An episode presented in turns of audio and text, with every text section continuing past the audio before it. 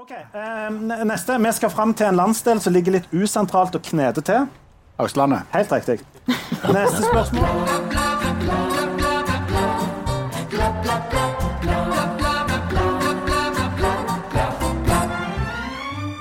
Strømmen er nå så dyr at vi skal legge ned naturen.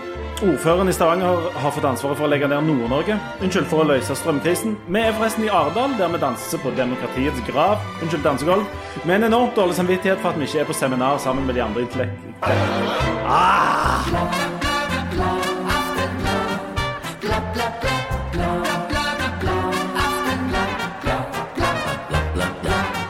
Intellektuelle, Leif Tore. Du burde tatt deg en skikkelig utdannelse. Ja, og jeg burde vært på, på seminar. Vi er altså i nærheten av uh, Arendalsuka. Er, det- er ikke det rett å si?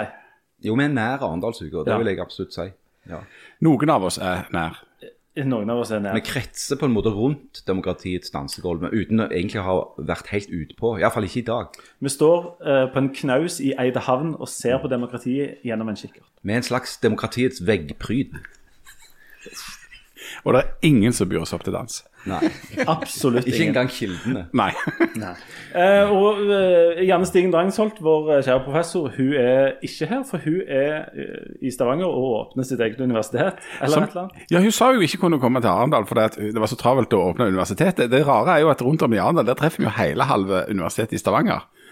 Blant annet Rektoren. rektoren, ja. Alle de som jobber der.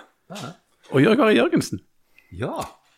Eh, Som er vår special guest star og stand-in for, eh, for Janne Stigen Drangsvold. Altså, vi må alltid ha en eller annen fra Universitetet i Stavanger. Hjertelig velkommen til Aftenbladet. eh, Jørg. Tusen takk, det var veldig kjekt å bli invitert som liksom fjerde vogn på lasset. Ja, og du, for du, du forsker jo ikke på Ted Huge, men hva er det du holder på med på universitetet, bare som er kartlagt det? Eh, Jeg er på, jeg utdanner religionslærere, for å si det kort. Men hva er du professor i? Det er jo det viktigste du skal være med. Hva er du professor i? jeg, jeg har vel ikke professortittelen, jeg er vel på laveste hylla der oppe som eh, universitetslektor. Jobber i nedrykksstriden der oppe. Ja, men det er topp stemning. Men, ja, og du er jo i Arendal fordi at du faktisk har blitt eh, invitert til å eh, være med i en slags sånn paneldebatt med de, og du kirsebær med de store og fortalt hvordan hvor skapet skal stå. Ja, faktisk selveste kunnskapsministeren var der, Tonje Brenna. Og jeg ble vel invitert litt fordi at jeg skriver litt i Aftenbladet òg. Og jeg har jo skrevet en del om skole, bl.a. en tekst som jeg kalte opprinnelig 'Vurderingshelvete'. Men det ble litt sterkt, så det ble 'Vurderingshysteriet'. Vi pleier egentlig ikke å banne i denne podkasten, for det blir et jævlig styr. Ja, Så det er fint hvis du klarer å holde deg for det. sant? det, det er Ja, greit. faen heller. Unngå det. Men, men i alle fall der var jeg ganske tydelig på at det, det, lærere og elever er altfor stor grad opptatt av eh, vurdering og prøver og karakterer i skolen. Og det var egentlig grunnen til at jeg ble invitert på det. Den debatten handla om vurderingspress i skolen, da. Du, Vi skal, vi skal snakke litt om, uh, om det, men bare først må du spørre deg, eh, måtte du pugge navnet til kunnskapsministeren før du kom, eller hadde du det? Eh, ja, jeg måtte vel pugge det litt, det tror jeg. Satt du i, i bilen? og Jeg satt litt i bilen eh, med, med disse sånne Aftenblad-folk og så pugga litt eh, paneldeltakerne, så jeg skulle ha det klart for Fordi meg og Jan, Planen vår var nemlig at vi skulle eh, Eller vi burde jo vi burde sagt at det, han heter Vedum, sånn at du kom der og trodde at det var Ja. Vedum. Men det, så langt tenkte vi ikke, Jan. Nei, det var, det var, det var litt slapt dette her, altså. Men OK. Ja. Jan, har du vært på, på noe? Ja, jeg vært på noe. Jeg er jo, jeg er jo uh, veldig rart skrudd sammen, som dere alle vet. Men jeg liker jo å gå på sånne diskusjoner og foredrag. Uh, det er jo en skade jeg har hatt som gjorde at jeg tilbrakte enormt lang tid på universitetet, og senere frivillig gått mange møter. Så jeg, uh, altså Problemet i dette Arendal Eller problem, det er virkelig et ilandsproblem. Men, men det er jo en umenneskelig mengde med arrangement her nede. Det er umenneskelig mange folk som går rundt i, i pollen og håndhelse og sier haudemondo og lunsj og, og går i dress og sånne blå skjorter og ser ut som de jobber i informasjonsavdelingen et eller annet, og alle ser ut som de har det greit. Og alle klager over at det er greit travelt, så de får nesten ikke tid til å gå på noe. Eh, og, det, og, og det kan jo jeg òg holde på med. Men, men i, eh, jeg har prøvd å gå på noen ting. Eh, da merker jeg jo at en velger seg jo ting som en allerede er interessert i fra før av. Så jeg har vært og hørt om Ytringsfrihetskommisjonen, eh, som la fram sin rapport på mandag. Eh, på tirsdag så var jeg på litt forskjellige ting. Da var jeg både i eh, et telt der de snakket om eh, arbeidslivet som lekker i begge ender, for jeg er jo veldig bekymra for eh, langtids- eller perspektivmeldinga og hvordan finansiering av velferdsstaten skal gå. Det gikk jeg på.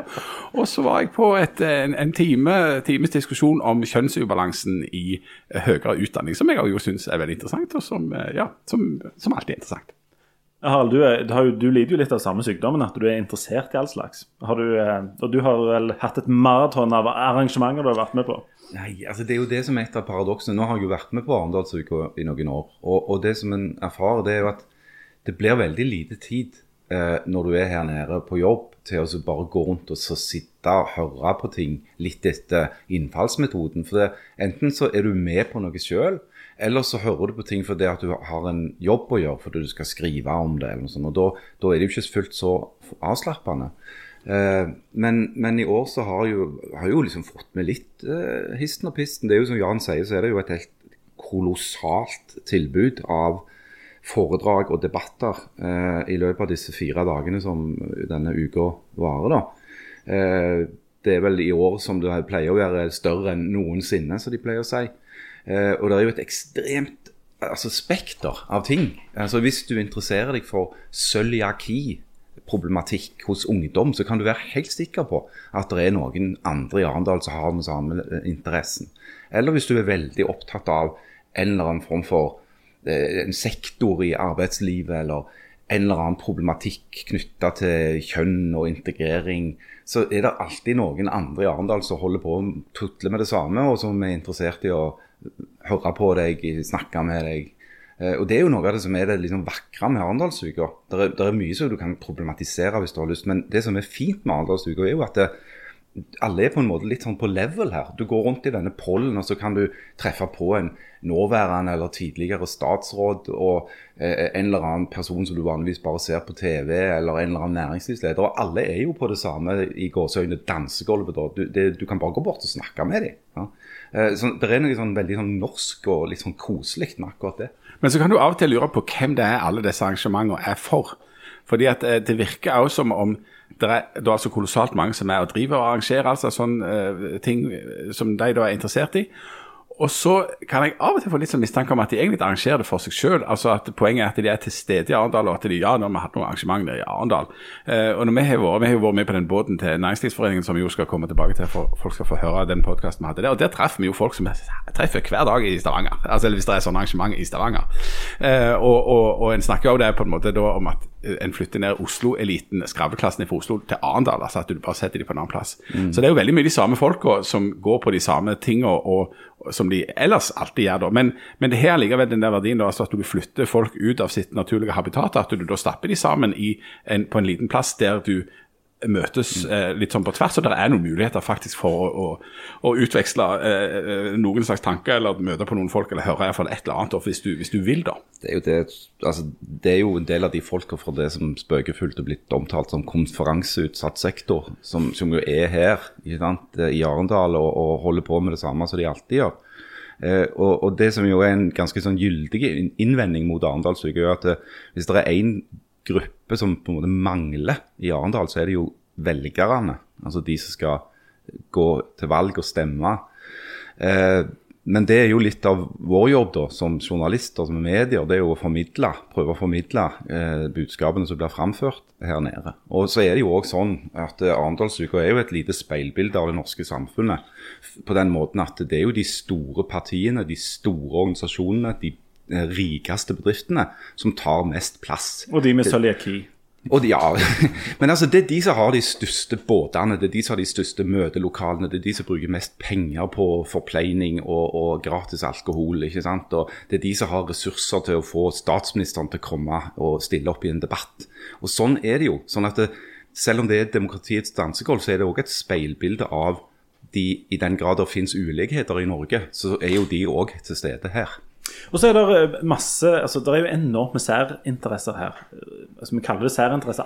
Alle som har en interesse, er jo sære på sin måte. Men her er det som alt ifra eh, de som er veldig interessert i å sprenge fjell, til cøliaki og forskjellig. Og du, eh, professor Jørgensen, har, eh, du ble jo invitert ned til en av disse, nemlig eh, utdanningsfolka, for å diskutere vurderinger. Um, hvem, hvem var det som var med på det, og hva, hva opplevde du liksom som hensikten med å sitte der og diskutere med disse folka som var interessert i det samme som deg? Nei, jeg syns jo det er, det er en viktig problemstilling. For det liksom, jeg, opplever at eh, både lærere og andre syns det er en skole som har for mye vekt på det. Eh, De som var med, var jo Tonje Brenna og Margaret Hagerup fra uh, utdanningskomiteen. To politikere? Ja, og så var det Steffen Handal fra uh, ut, Utdanningsforbundet. Og så var det Per Henning Upstad som innleder, som jo er en av de i Norge som kan mest om prøver og nasjonale prøvelser. eh, Prøver, mener jeg. Så, så, så debatten gikk litt for det. Det var ikke noe sånn enorm sånn eh, si, krangel, da. Eh, De fleste var vel litt, litt enige om at det er blitt litt for mye eh, press på at vurdering av karakterer er det som gjelder i skolen. Men, men hvem, var, hvem var du da, hvem opplevde du at var publikum? Altså Hvorfor ble den debatten arrangert, og hvem var dere snakket til, egentlig? Eh, nei, jeg kjenner, jeg kjenner jo ikke igjen noen av publikum, sånn sett, tror jeg. Men, eller noe særlig. Men jeg tror det var mye lærere som kom. Ja. Absolutt. Men, eh, Folk med cøliaki? ja, kanskje det òg. Men, men, men, men, men, men du opplevde jo det som da, som jeg mener, altså du Harald var innom, som er en sånn sentral ting med dette. Ok, men da, da lager altså Jeg vet ikke hvem som arrangerer Var Lesesenteret som arrangerte Ja. dette? Mm. Lesesenteret i Stavanger arrangerer en debatt i et rom i Arendal, der du stapper sammen en, folk, en del folk som snakker om dette, for noen folk som er, er plass inni der, og som ikke nødvendigvis er så himla mange, men ok, kanskje var det fullt. Var det, kanskje Ja, det var stappfullt. Ja, det var stappfullt, stapp, stappfullt, så det er tydeligvis mange som er interessert i det. Men så er det jo da journalister der som rapporterer for det, sånn at dette blir til et oppslag i Utdanningsforbundet sitt tidsskrift, sitt Ja. blad, som eh, omtrent alle som er med, eller så alle som er med i Utdanningsforbundet, og det er ganske mange tusen, eh, abonnerer på og får tilsendt, sånn at de får formidla eh, det som ble sagt i den. Og overskrifta i, i, i den artikkelen er altså et sitat av Jørg, som er at eh, griser blir ikke feitere av at du veier de oftere. Og dermed så har du hatt en, en funksjon og en stemme i offentligheten på en mye større måte enn bare i det der lille lokalet for spesielt interesserte i Arendal. Sånn at det, det illustrerer jo på en måte noe av poenget med Ja. dette her. Ja, det Ja, nei, det var jo veldig greit at de valgte ut akkurat den spissformuleringen der, da. For den oppsummerer jo egentlig mitt, mitt syn på det. Da. Eh, La oss, la oss ta litt den, Kan vi ikke ha litt fagsamtale Jo, absolutt, rundt ja. akkurat dette nå? Fordi at eh, Du har eh, interessert deg for å skreve litt om vurderinger i skolen. Altså det som vi tidligere kalte å ha prøve. Eh, at du, du, Nå skulle du lese 60 sider, og så skulle du gjenfortelle det. Ja. og så hadde du en her og der, og så fikk du karakter til slutt. Ja. og dette har du øst deg noe voldsomt opp og, og vil skyte alle som har prøve. Nei, nei, men jeg opplever at det, det har jo blitt en, en veldig mye mer sånn juridisk eh, situasjon da, med sånn eh, vurderingsforskrifter og hva elevene har rett på. Og, og, um, og det er jo en, en slags Altså det, det som skjer da, Når du skal ha om et tema, så er det første elevene møter som regel, det er hva kompetansemål. Hva er det de skal oppnå, hva er det de skal prestere på dette. Og Så får de høre om vurderingskriterier. Og de får, eh, I løpet av semesteret skal de ha flere vurderingssituasjoner, helst varierte. For ha, elever har jo rett til å bli eh, målt på varierte måter. Eh, og I tillegg så skal, så skal de i alle fag skal elevene ha en fagsamtale med lærer per semester. Der lærer og elev skal snakke om utviklingen i faget. I tillegg skal elevene vurdere seg sjøl og si liksom sjøl hvordan de syns de ligger an. Og så får de i tillegg da selvfølgelig karakterer hvert halvår på halvårsrapport og helårsrapport.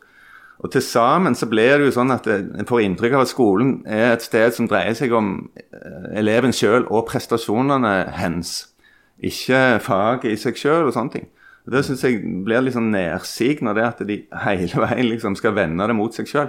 Sånn anekdotisk da, er jo at meg og mange andre lærere opplever jo stadig færre den situasjonen som vi husker fra gamle dager, at eh, liksom nerder hang igjen i friminutt og ville snakke litt mer eh, om, om eh, det de lærte. Eh, Men hvis noen henger igjen nå, så er det liksom sånn eh, Ja, hva kan jeg gjøre for å få femmer? Det, det, det er en helt annen tankegang. De, de er på skolen for å høste karakterer, på en måte. Og Det betyr òg at de, når de da har fått den karakteren og hatt den prøven, så kan de rolig glemme det de har lært, for da er de ferdig med det, liksom. Og Det er ganske skremmende hvor ofte du merker at de har glemt ting kort tid etter de har er dette veldig annerledes enn sånn som det var for 10-15-20 år siden? Ja, Hvorfor da? absolutt. Nei, det er vanskelig å si hvor det kommer fra, det der presset. Jeg kommer ikke fra meg, iallfall. Jeg prøver jo å snakke ned dette her med karakterer og sånn. Men, Men det er jo noe med, med fokuset som kom med kompetansemålene, da. Eh, på det at eh, Kunnskapsløftet i 2006, eh, da fikk du en målstyrt læreplan. Eh, fra at den skulle handle om eh, temaet de skulle lære om, skulle det nå handle om hva elevene skal prestere.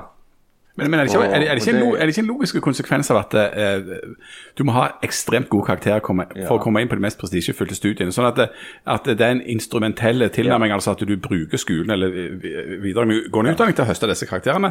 Og hvis du vet at, at du må ha 5,6 for å komme inn på juss i Bergen, så må du jo oppnå det. Absolutt. Ja, det det, men jeg syns det er skremmende det du sier om at, eh, at du kan ha en du, du jobber mot å få en så god karakter som mulig på en prøve, og så er du ferdig med det. Jeg husker fortsatt alt jeg lærte på skolen.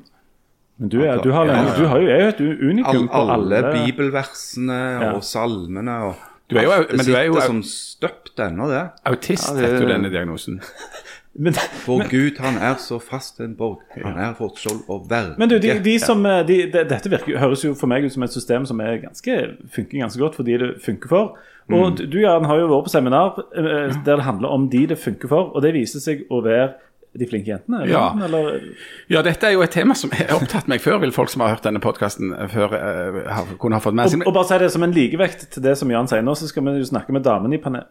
Å nei, Ja, ja, ja. Vi har ikke noen damer i dette panelet i dag.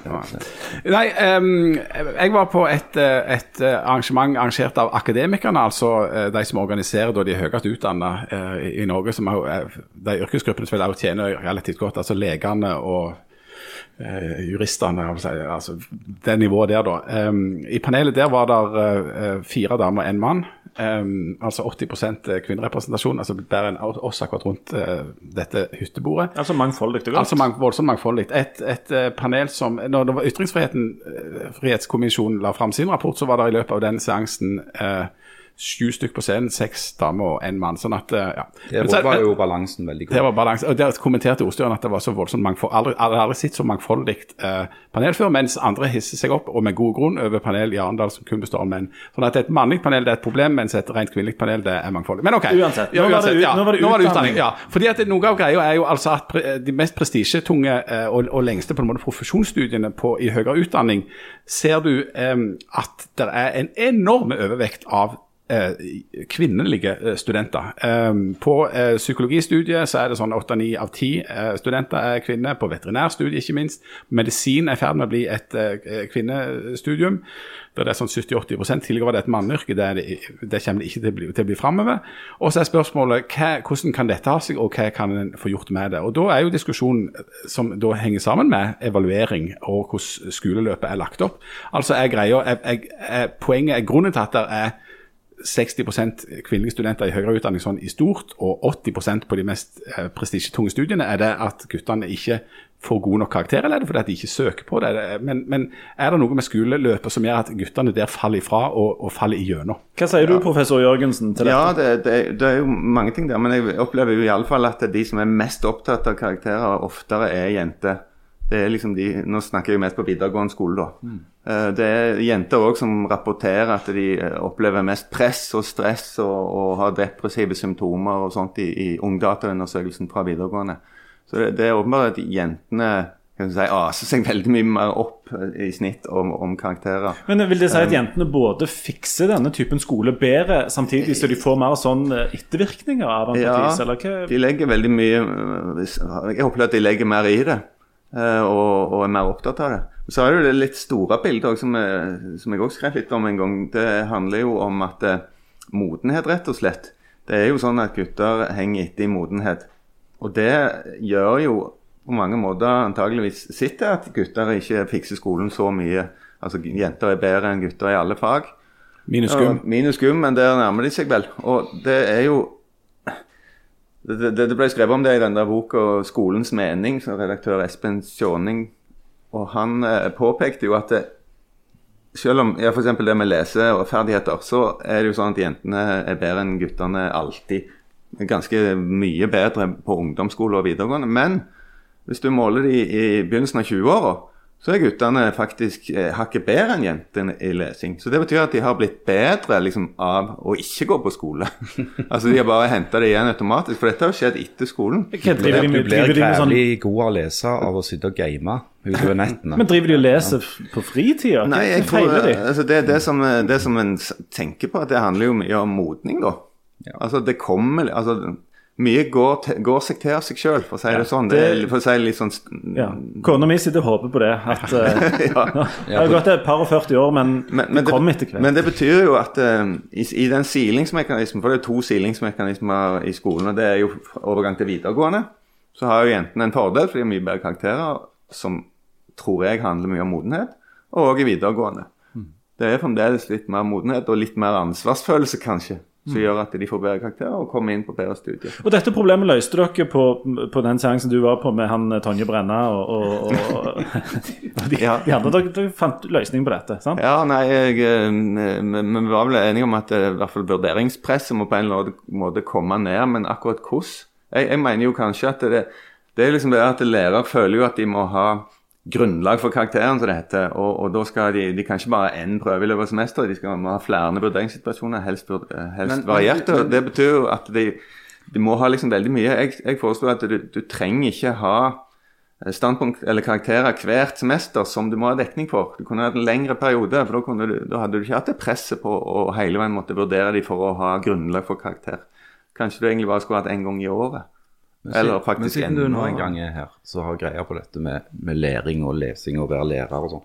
Altså, det har jo vært noen forslag til altså praktiske forslag til hva kan en gjøre med dette. Altså, Et forslag har jo vært å utsette skolestart for gutter. Et annet har vært faktisk også å innføre kjønnsdelte klasser igjen. Eh, altså, tror du det finnes, altså, Er det noen løsninger det går an å peke på dette ville ha hjulpet? Ja, akkurat det der med, med kjønnsproblematikken der, det har jeg ikke så veldig god greie tenkt så mye på, da, altså. Men utsatt Jeg skolestart? Det er en stor Ja, salat jeg her, så du kan hoppe uti hvis du vil. eh, Ja. Bare ta rennafart. Ja, men altså, det, det noe av det som ble ble diskutert i det panelet som jeg var og, og så på, er jo det som har vært virkemidlet for å få inn flere jenter på studiet der det har vært for få jenter og en enormt stor dominans av gutter. Og det er jo kjønnspoeng. Det finnes, eh, i, I fjor fantes det 123 fag i høyere utdanning der eh, eh, en kunne få kjønnspoeng basert på altså hva for et kjønn en hadde, og at en vil ha en, en større, eh, altså større bedre balanse på det faget. Av de 123 eh, fagene eh, gjelder altså da 10 fag der gutter kan få kjønnspoeng, mens 113 fag får jentene kjønnspoeng. Så hvis en hadde begynt med det, så er det en sånn ganske rask måte å få økt representasjon av gutter på fag der det mangler gutter. Og, og jeg tror alle er enige om at det vil trenges, det vil være en god ting både altså for samfunnet og pasienter og for faget og alt i hop at det finnes mannlige psykologer og leger eh, om 20 år. Ja, jeg er enig i det. Kom det fram noe nytt om innenfor cøliaki i skoleverket på den som du var på, eller var det liksom Hadde Har ikke tid til det, kanskje? Nei, det er dessverre en stor mangel med den debatten. Og kunnskapsministeren lovte sannsynligvis å ta dette til etterretning og se på det, som jo er tradisjonen i, eh, i der. Ja, noe sånt. For så, Det, det er jo en voldsomt god strategi for tida, det. ja. ja, Følg, følge utviklingen nøye. Ja, følger veldig nøye med. ja. Mm. Det, men- men- Vurdere. ja, Det er- se, se litt på. Hoved, liksom, hovedtemaet her nede i, Arendal er en slags eh, kan man, En blanda salat av eh, energi, miljø og grønn skifte, innovasjonaktige ting. sant? Og litt helse. og litt grann helse. Men eh, og vi, har, vi har jo vært, eh, i hvert fall gått forbi plasser der det har vært seminarer om det ene, det andre, det tredje, og grønt skifte og, og strøm og sånt. Og så kommer det nå meldinger om at uh, i dag, altså når vi spiller inn nå, så er strømprisen på sitt aller, aller høyeste. Gjennomsnittspris der vi bor er på hva er det, 6-7 kroner. altså Det er hinsides høyt. Gudene vet det er høyt, og alt tyder på at det vil fortsette å stige. Uh, ingen vet helt tid denne her vanvittige galoppen tar slutt. Så ja, Men vi vet hvem sin skyld det er, og det viser seg å være Jonas Gahr Støre. det er bare hans feil, alt Det er jo litt uh, kjedelig at han sitter og skrur opp disse prisene sånn. Nei, men i Ja, ja, for, for mens, mens strømprisen setter stadig nye- rekorder, så setter vel regjeringa stadig nye rekorder på i den andre enden av skalaen, altså de blir upopulære. Har du fått med deg noen slags galluper? eh? Ja, altså det som skjedde i morgentimene, det var jo at NRK eh, kunne slippe en fersk meningsmåling som viser at eh, mens de to regjeringspartiene, altså Arbeiderpartiet og Senterpartiet, de fortsetter nedturen. eh, og på, Arbeiderpartiet er nå på under 20% på den målinga. Eh, så og lekker stemmer da til Høyre, som gjør en eh, nesten rekordmåling. Det er vel bare en måling fra 2014 hvor de har ligget høyere på en NRK-gallup, eh, på over 30 Så Det betyr at akkurat nå, hvis den målingen hadde vært identisk med et valgresultat, så ville Høyre vært større enn Ap og Senterpartiet til sammen. Eh, og Så kan du jo begynne å analysere hva grunnen er da, til at denne nedturen kommer. Yes. Den, Go ahead. ja, ok, det, nå jeg skal, dere skal ha sånn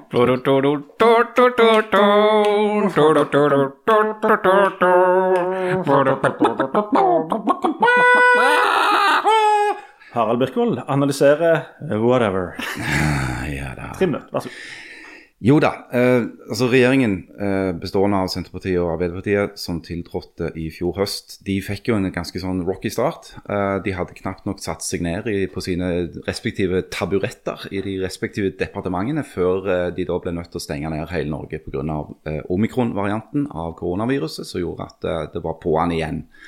Sånn at eh, denne her medgangsbølgen som mange regjeringer opplever med en gang de er tiltrådt, og det er mye buzz og, og positivitet og nøkkeloverrekkinger og sånn, de hvetebrødsdagene der de ble ganske korte.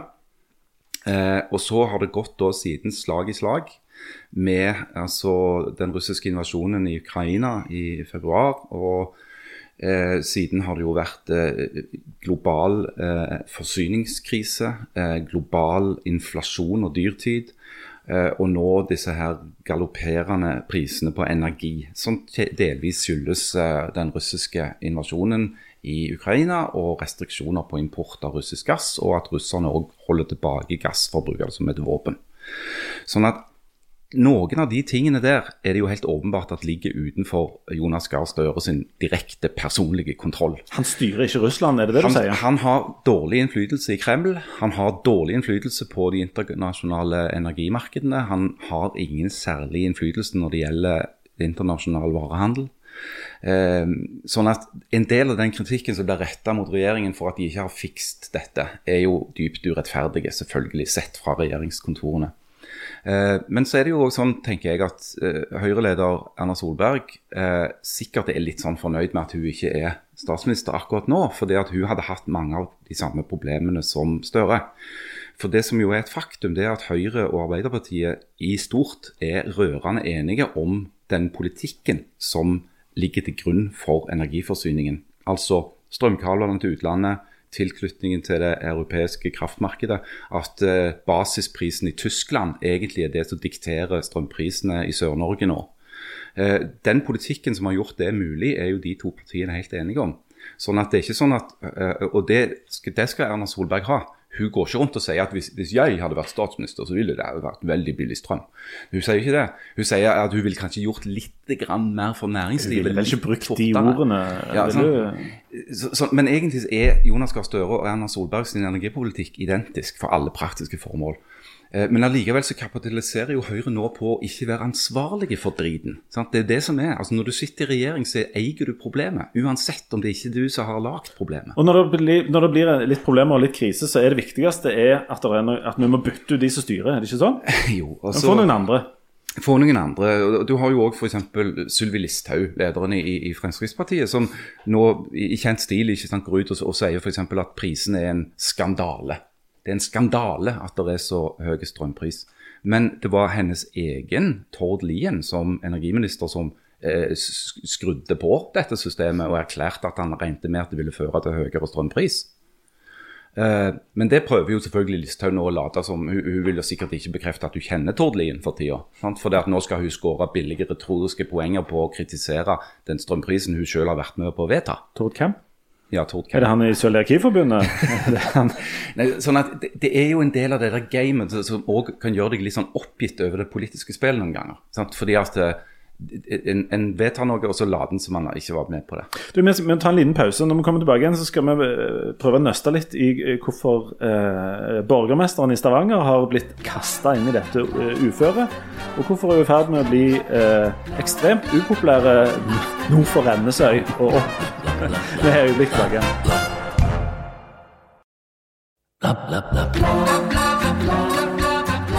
Og hjertelig velkommen tilbake eh, til Aftenbladet. Vi sitter altså på, på ei hytte i, i, Eidehavn. i Eidehavn. I Eidehavn. Eh, her har vi jo sittet og, og lest eh, Ibsen for hverandre og, og, og sånt. Men nå var vi kommet inn på et spor med, med energi her. Du Harald, hadde en lang, nokså kjedelig utgreining om dette med energi. Jeg synes den var ganske interessant, jeg. Ja, egentlig syns jeg ikke den var, den var ikke din verste, men nivået ligger jo uansett.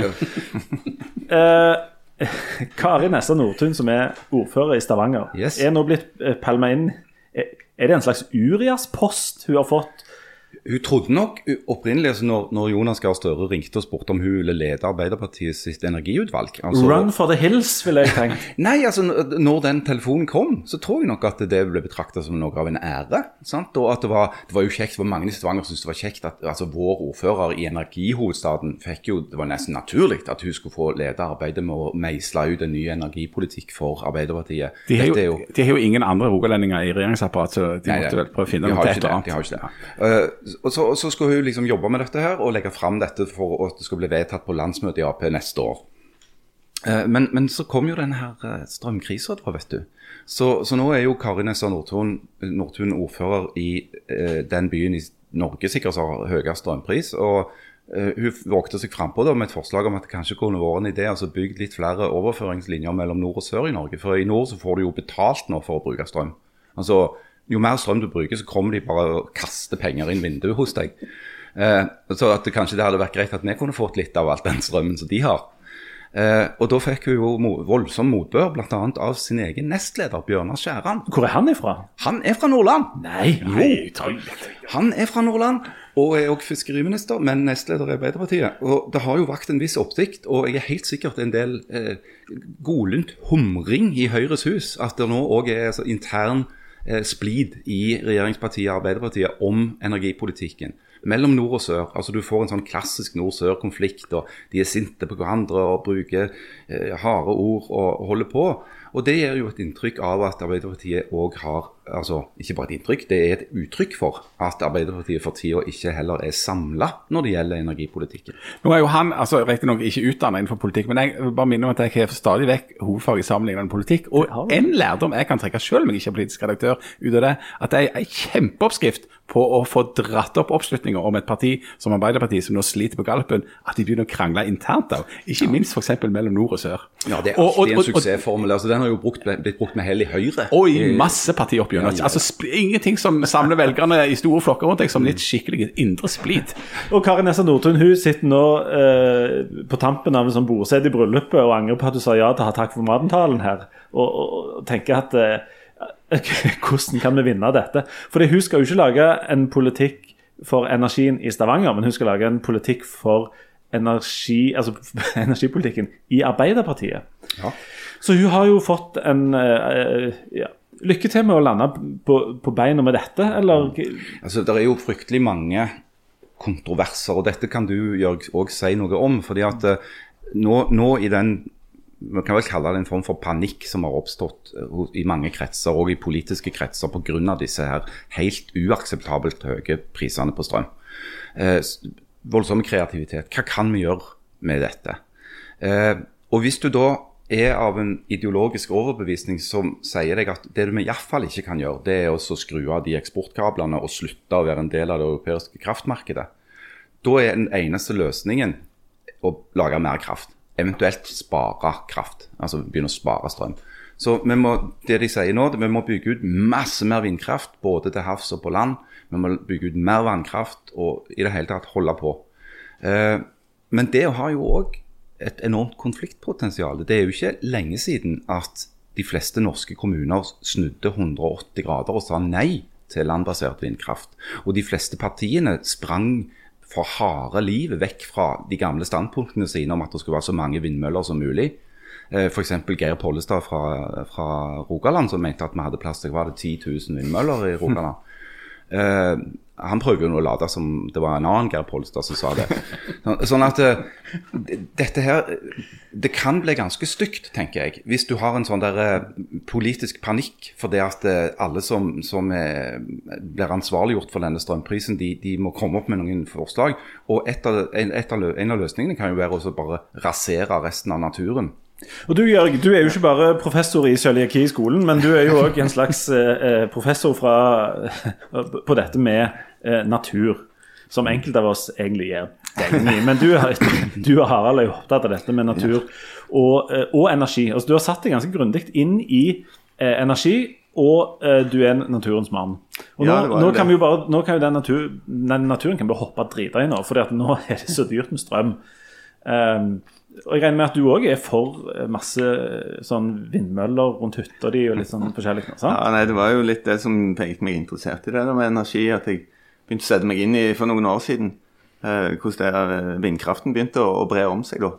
Og det er jo en eller annen eh, Ja, det er jo et eller annet med na- naturperspektivet som har vært eh, mitt hovedfokus. da, for det at I Norge, i motsetning til de fleste andre land, så går den fornybare energien direkte utover natur i en helt annen grad enn hvis du bygger vindmøller i kulturlandskap i Tyskland eller i Danmark og sånt, hvor all infrastruktur er stort sett er på plass. Det å kanskje lage en vei der er jo enkelt, og strømledninger og strømnett finnes i nærheten. I Norge så må du jo sprenge deg vei inn i eh, fjellheimen og bygge helt fra grunnen alt, og det skal opp med svære transformatorstasjoner og milevis eh, med veier som gjerne er opptil ti meter breie. og Du skal frakte 60 meter lange vinger, så kan det ikke være noe særlig svinger heller, så de må jo sprenge seg vei gjennom fjellene. Og det, det er en helt annen ting eh, enn i Europa. Så jeg fatter ikke hvordan vi skulle satse på den energiformen, da. Eh, så er det det hvor mye energi vi skal, skal bygge, og hvor mye vi trenger. Det er òg det store eh, store eh, for, forskjellige meninger, for å si det sånn. Vi har jo hatt eh, et jevnt eh, energioverskudd. Og energibruken er ikke så dramatisk økende. Men vi snakker jo om en sånn voldsom elektrifisering. Men en glemmer jo gjerne hvor elektrifisert vi faktisk er. Vi er jo det mest elektrifiserte landet i verden.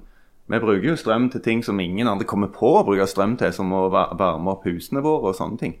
Så det betyr jo at eh, vi har ikke så veldig mye å knipe igjen på på den elektrifiseringen. Så vi går løs på sånne enormt sånn rare tiltak som enten er symbolske, sånn som elektrifisering av sokkelen, eller litt sånn fantasifulle på en måte med elektrifisering av fly og alt mulig sånt. Vi er jo vanvittig eh, langt framme i elektrifisering, kort sagt. Ingen har mer elbiler enn oss, ingen bruker mer strøm til oppvarming, matlaging.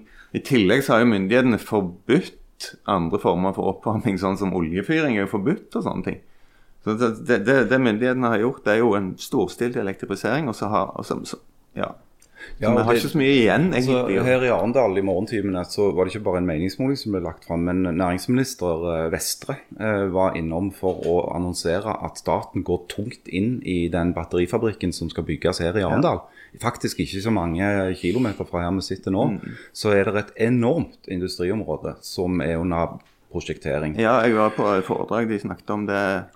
Og det, altså, det, det, det skal ha en kapasitet på 43 gigawattimer. Er det- er det mye, det? Jeg tror det høres mye ut.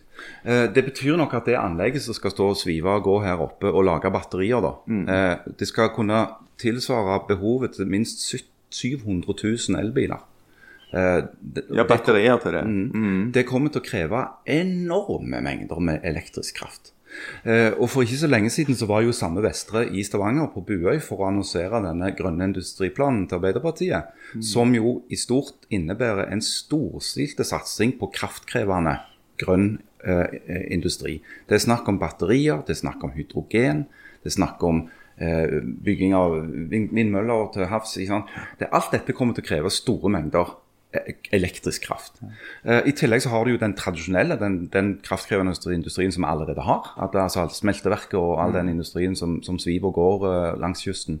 Eh, og dette forteller iallfall meg at det, det nok vil være behov for mer strøm.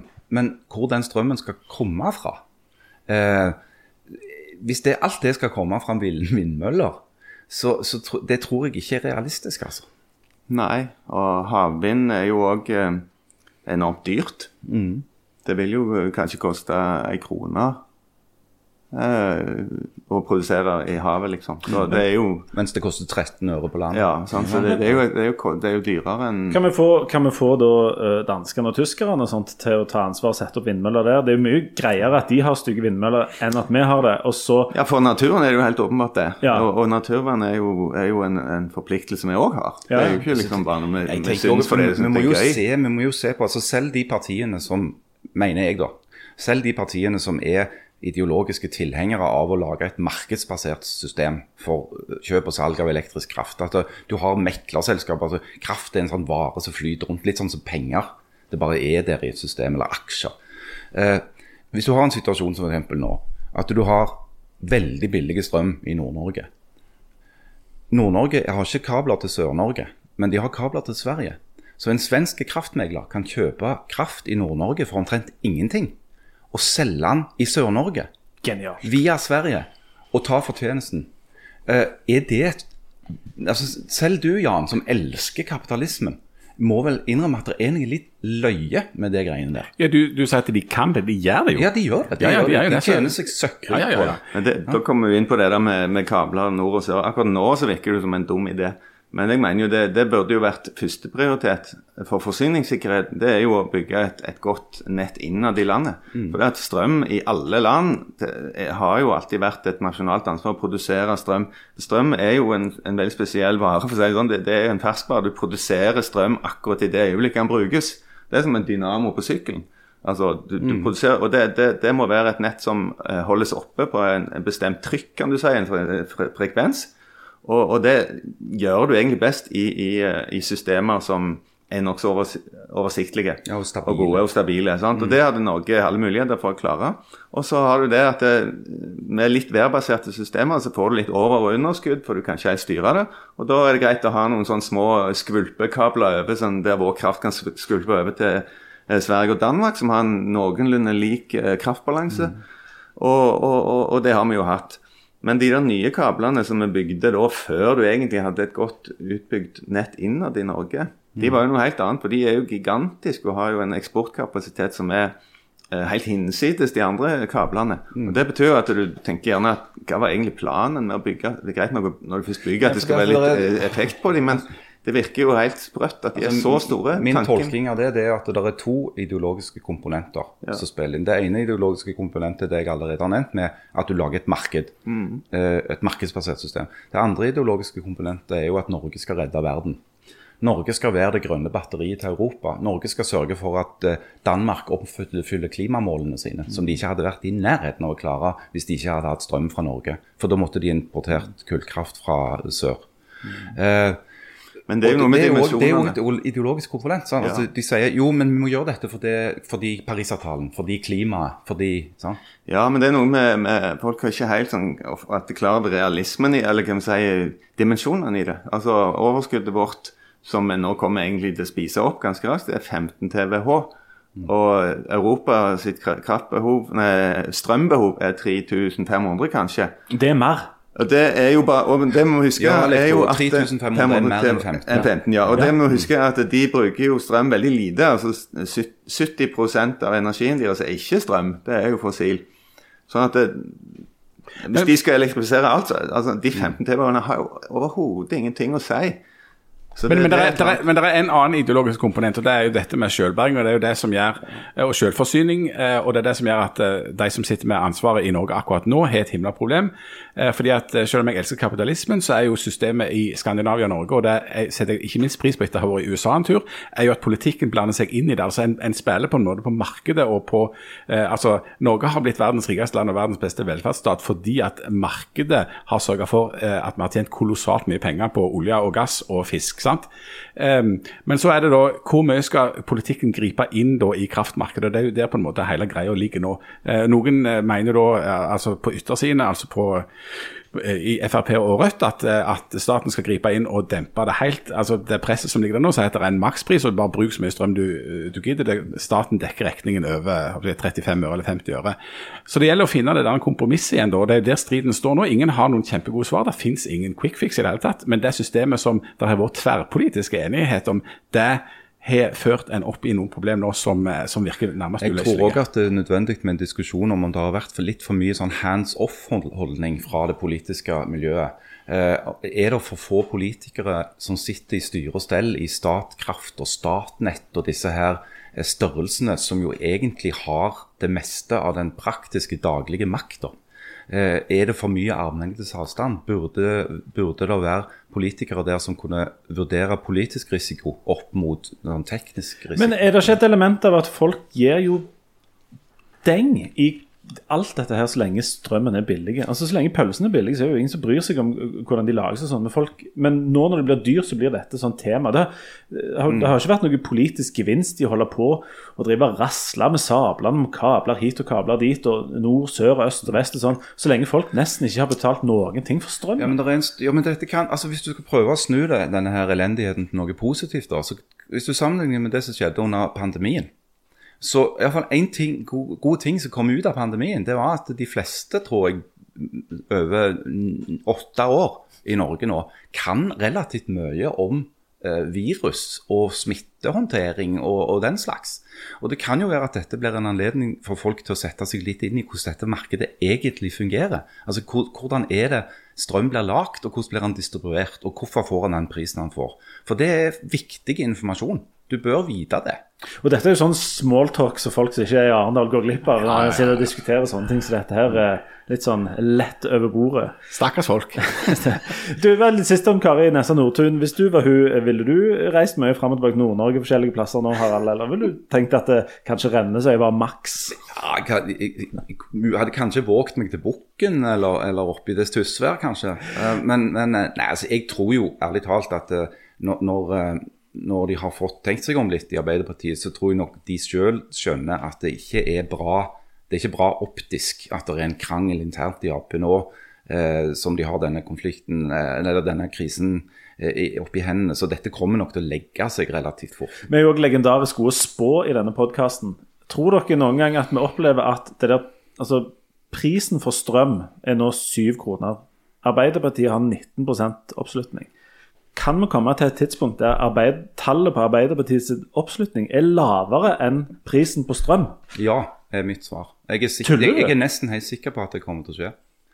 Fordi at Arbeiderpartiet går så aldeles på dunken? Eller Nei, det er fordi, så altså, nå, nå er det midt på sommeren. Her i Arendal ut forbi nå så er det snart 25 grader. Eh, ingenting tyder på at denne energiforsyningssituasjonen i Europa vil være bedre i januar. Eh, da er det kaldt. Da har folk begynt å skru på panelovner. Og, ikke sant?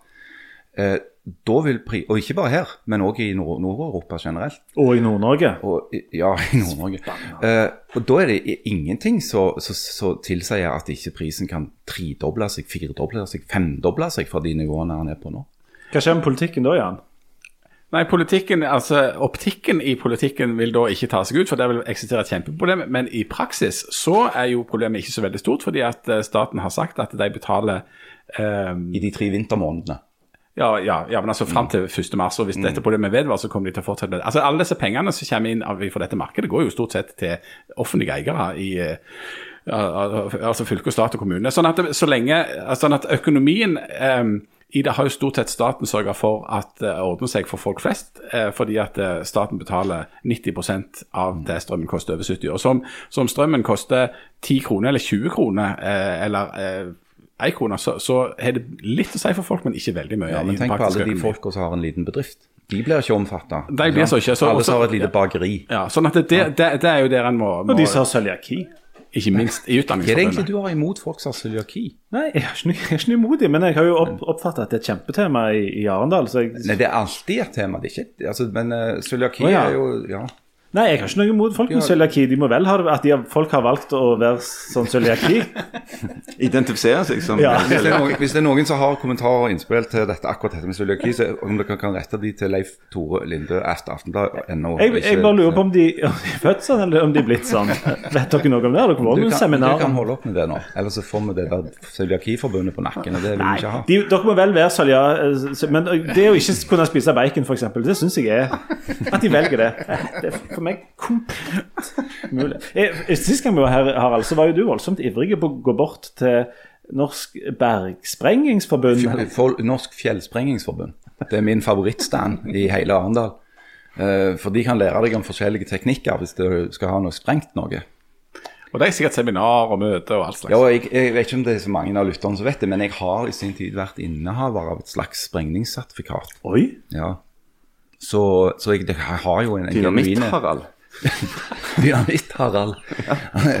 ja, så jeg har, jo en, jeg har jo en genuin interesse for dette med å sprenge ting, da. Spørsmål. Eh, var dette noe du skrev ut fra internett sjøl, eller har du tatt Det noe for kursing? Eller? Du kan bare skrive det ut fra. Ja. Har, du, men har du sprengt noe noen gang? Jeg har sprengt ting, ja. Ja, hva har du sprengt? ja litt forskjellig stein og en annen krøft. Noe, Torsk. noe jern. Torsk, ja. Ja, sprengt, lett sprengt eh, lange. Du er jo eh, fisk, fiskens mann. Ja, jeg er jo det. Fisken mann. Ja. Nei, det, det, jeg, jeg beklager til alle cøliaki- cøliakikakere der ute. Jeg, jeg er for alle nasjoner og hudfarger. Ikke noe problemer med noen av dere. Og du gnir deg så mye bedre ned i den myra nå, vet du, jo mer du snakker. Ja, jeg klarte i hvert fall å holde meg for å spørre om de der Norsk Sprengningsforbund, om det, om det, var, om det var all slags nasjonaliteter der, eller om det var noen som ikke var velkomne, eller sånn. Nei, Mangfoldet de, er de, de er veldig sånn inkluderende i Sprengningsforbundet, vet du. Ja. Alle, De er alle kjønn og legninger er velkomne. ja. Alle nasjonaliteter. Absolutt. Har de en avdeling i midten? Nei, nå skal jeg ikke spille Jeg skal faktisk, skal faktisk ikke gå det. Bitte litt eh, eh, mer om Arendalsuka. Her er det jo ekstremt fritt og fint. Eh, men det er òg eh, politistedet. Enormt med politi. Som jeg syns vi godt kan nevne. fordi at ytringsfridommen er terningkast seks. Her kan alle gå og klemme statsministre og sånt, men det er steder. Ja. Det er jo et forhøya sikkerhetsnivå. Eh, annet for det, det som skjedde under denne svenske motstykket til Arendalsuka. Eh, Almedalsvekkan. Almedalsvekkan var det jo da en eh, kvinnelig psykiater som ble stukket ned eh, og drept med, av en høyreekstrem eh, person. Eh, I tillegg så er det jo en del folk til stede i Arendal som har sånn generelt uh, sikkerhetsoppbud rundt seg. da. Og det har jo vist seg nyttig, for uh, vi, var jo involvert i en eh, nesten uh, dramatisk episode nede på kaien der når vi kom av den elektriske båten, der det står to nokså tungt bevæpna politimenn der. Og akkurat eh, forbi de slentra Jan Zahl og, og professor i cøliaki Jørg, Jørgensen. Som hadde sikra seg hver gratis forfriskning fra Lyse eller noen. Og så så dere politiet. Ja, og det er det. sant? Altså, hadde, det, hadde, det var sånn hektisk noe. Et av problemene, dette høres sikkert litt rart ut, det er en ilandsproblem, det er å få i seg mat. altså, For det, det er stappfullt overalt, og så er det så mye du skal få gjort hele tida. Så endelig hadde jeg fått tak i ei skive og, og en, en, eh, et glass med hvitvin. Mens eh, Jørg, du hadde vel en, ja, du hadde en, hadde en. En boks med øl. Rogalandspils. Ja, men, men, men så var det sånn at, at det var et sånt arrangement der det var bare sånn invitasjon, som jeg fikk egentlig ikke lov å være der, som ble på en måte. Vi måtte gå derifra. Men du fikk lov å ha med deg maten og Ja, dette glasset. ja, ja, så da hadde jeg skjeva glass. Og så, og så går du bortover der, og så sto det og stod det plutselig der sto to sånne tungt bevæpna med med maskingevær politifolk der. At det, det er strengt tatt formelt sett ikke lov å drikke alkohol rundt i, i, utendørs. Hva slags taktiske vurderinger gjorde dere to da? At jeg tenkte nå gjelder det å være helt usynlig og skjule at vi ikke gjør dette. Så det gjorde at jeg begynte å oppføre meg veldig påfallende. Jeg, begynte, jeg stoppet opp på en veldig sånn brå, rar måte, og så begynte jeg å fekte med armene på en måte der jeg skulle prøve å skjule vinglasset bak den der skjeva, mens Jøggi han snudde eh, ryggen til og begynte å styrte den der øla. Og alt dette skjer sånn tre meter ifra de der politifolka. Nei, det var ikke så Det var et stykke fra. Ja, Jeg tenkte jeg skulle bare drikke opp før klassiske tek taktikken med å bare spise bevisene. sant? Ja, ja. ja. tenkte, Skal vi, Jeg er vant med det. skal vi tømme vært- dette ut i panikk, eller skal vi altså, jeg var Men sånn, jeg, ja. jeg, jeg, jeg ble plutselig tilbake til 16 år på ruten, og, og liksom politiet kom forbi det, og da må det jo For det- fort gjort å havne i De få gangene i, i livet der du bevisst tenker at nå må jeg oppføre meg helt normalt, så er det helt umulig. Nei, men Det er jo fornuftig å så bare drikke, drikke raskt opp ølen. Jeg tenkte det var fornuftig, men det var, liksom, jeg var kanskje litt for nærme, så du så litt påfallende ut. Det- Jeg sto litt lenger vekk og så på det, og på et tidspunkt så sto begge dere to med ryggen til rett fra de, og hadde sånn den der knekken i hånda som du hadde som 16-åringer har på fest. Så, så dere oppførte dere helt normalt. Men vi ble ikke arrestert, så den ble Det kunne jo blitt et fantastisk oppslag. Ja, det kunne faktisk det. Kulturkommentator og professor i cøliaki ble tatt for, eh, lagt i jern pga. drikking på åpen gate under uh, Løsgjengerloven. ja, ja. Nei, de er nok, mer, de er nok først og fremst på utkikk etter folk med cøliaki. Så de kan OK, vi er ferdige her nå. Eh, For de som av en eller annen grunn ikke har fått nok nå. Ja, altså, ja, for det, vi har jo, vi har bomma helt på mål nå. Vi skulle jo bare lage en liten sånn intro, Ja, egentlig. Ja. Og så sklei det ut. Og det er først og fremst professor Jørgensen sin, sin feil, fordi han snakket så lenge. Og Harald. Men eh, vi har altså spilt inn en livepodkast her nede, og den har jo vi et opptak av. Og den, eh, for dere som orker, vil dere sjøl så vondt at dere vil høre mer om forskjellig. Der er, der er fin eh, hets av Østlandet og litt snakk om, om fiske og energi og litt ymse. Og så er det litt bedre kjønnsrepresentasjon, for vi har med special guest av Hilde Øvrebekk. Ja, det skjedde Ja, en så er feil. det òg en grov feilinformasjon om, om eh, et reinsdyr. Det, det som blir sagt om det, ber jeg alle om bare se vekk fra. Eh, og det er òg et kontonummer der dere, hvis dere vil bidra til en innsamlingsaksjon for å svare på den austlandske innsamlingsaksjonen for å lage et monument av en død fisk. Uansett, dette opptaket, opptaket legger vi ut nå når vi er ferdige her. Så kan dere høre på det hvis dere vil. Det er helt greit hvis dere ikke vil. Eh, og nå skal vi springe, for nå skal vi ned og treffe Cøliakiforbundet til et durabelt oppgjør. Uh, Du skal. Vi skal. vi vil ikke ta noe ansvar for det greiene der. Skal koble det til det Sprengningsforbundet, og så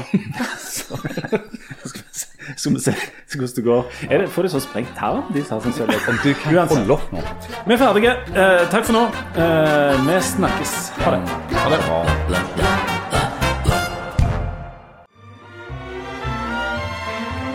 Nå kan jeg begynne å si Dag Mossige, og da eh, gjør jeg jo det. Eh, hjertelig velkommen til denne seansen med Aftenbladet live fra eh, Arendalsuka og en eller annen form for elektriske båt, har jeg fått inntrykk av.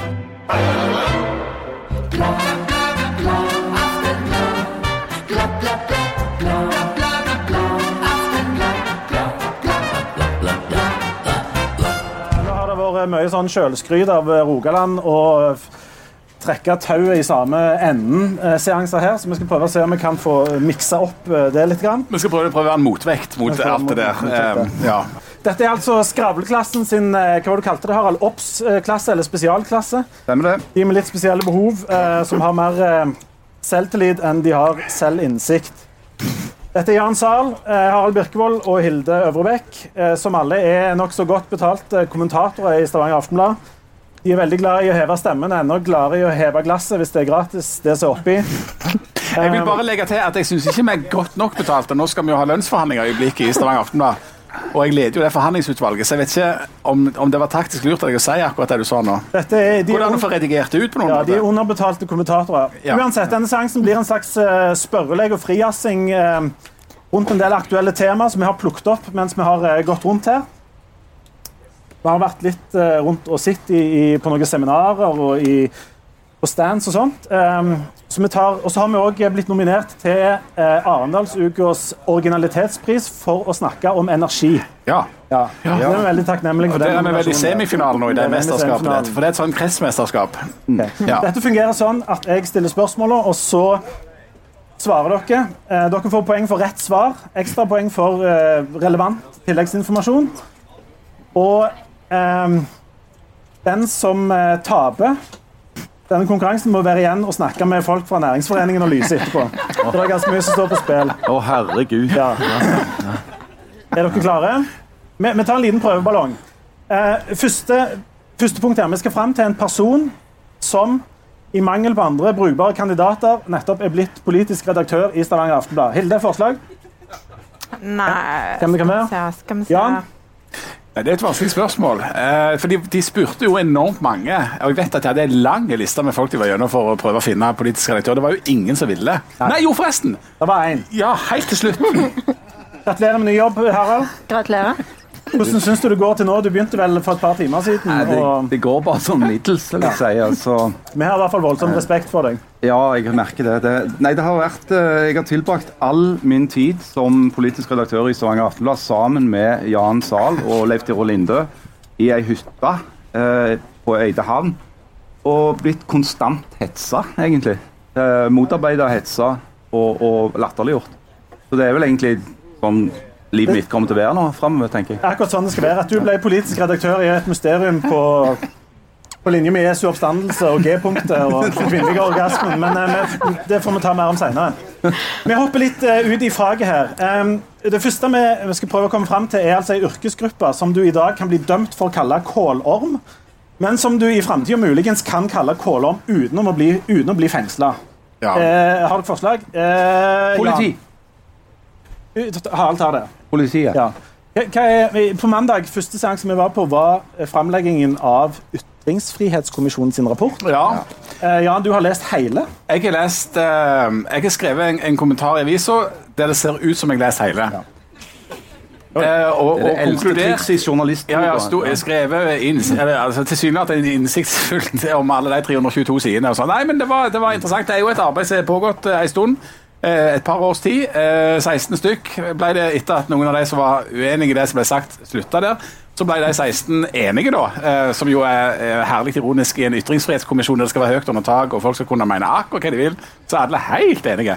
Eh, Men eh, de er blitt enige, eh, og eh, hovedkonklusjonen deres er jo at det står kjempegodt til med ytringsfriheten i Norge. At det der vi har en tendens til å si om at nå er det blitt så gale og det er så polarisert og at det er mest hat og hets, det finnes det veldig dårlig dekning for hvis du går til forskningen og til kunnskapen og til faktaen. Og Det syns jeg i seg selv er et veldig interessant innspill til den offentlige debatten. Dette er en ytringsfrihetskommisjon som ikke kommer til å gå inn for å bruke mer straff og forbud for å eh, sikre ytringsrommet, men vil tvert imot utvide det. Sånn at eh, eh, det, min, min eh, konklusjon på det er at eh, dette er godt nytt. eh, den rapporten er godt nytt for oss som vil ha en åpen og opplyste og frisk debatt, og veldig dårlig nytt for de mest lettkrenkte. Det kommer ikke til å bli større rom for å rette på det og si at nei, nå ble jeg krenka, og det må det være noe lovregulering av. Harald, En kan fort få inntrykk av at eh, norske offentligheten er, er motsatt. for Vi hører jo stort sett bare om, om hets og trusler og sjikane og folk som ikke kan være med i den offentlige debatten pga. sånne ting. Og Så viser jo denne utredningen da at eh, det stort sett ikke er sånn. Jeg hadde, Rett før jeg kom til Arendal, så var jeg fortsatt på ferie på hytta i Suldal og hadde besøk av de tre ungene mine. De er i aldersspennet 27 til 18. Eh, og det er for meg helt åpenbart at eh, de som er i den lavere delen av det aldersspennet, de har en tendens til å si at det kan du ikke si. Det har du ikke lov å si. Det går det ikke an å si. Eh, og det, det er liksom Henne og hennes samtidige har en tendens til å si det veldig ofte. Mens han på 27 han har sluppet litt unna det. Eh, han er mye mer tilbøyelig til å si at OK, du sier det, jeg er uenig med deg. Eh, så jeg tror nok at, at, at en av de tingene som kom fram òg i Ykom sin, sin rapport, er at det, det er en jobb å gjøre, særlig overfor de oppvoksende slekter, når det gjelder det der med å forstå hva ytringsfrihet er. At du må banke inn det poenget at ytringsfrihet og debatten om ytringsfrihet handler om å tolerere og høre ting du er dypt uenig i ting du syns er støtende og direkte forkastelig, er du faktisk nødt til å tåle at noen andre mener. Eh, og så er det noen rammer selvfølgelig for det, som heter straffeloven, altså forbudet mot, mot eh, hatytringer. Eh, jeg er jo litt spent på, eh, fordi at kommisjonen peker på at eh, det kan være nødvendig å forenkle språket i den såkalte hatytringsparagrafen, eller rasismeparagrafen som ble, ble kalt tidligere, for å gjøre den mer forståelig for folk. Eh, og der var begrunnelsen at hvis, hvis paragrafen er mer forståelig, skrevet i et språk som ikke er så arkaisk som, som du har i dag, så vil folk lettere skjønne som, hvor grenser går. Jeg tror det er litt optimistisk. Jeg tror ikke det er lett å lovgi seg til et bedre ytringsklima. Det, Det, det er viktigere at du har en, en form for kontinuerlig samtale om det.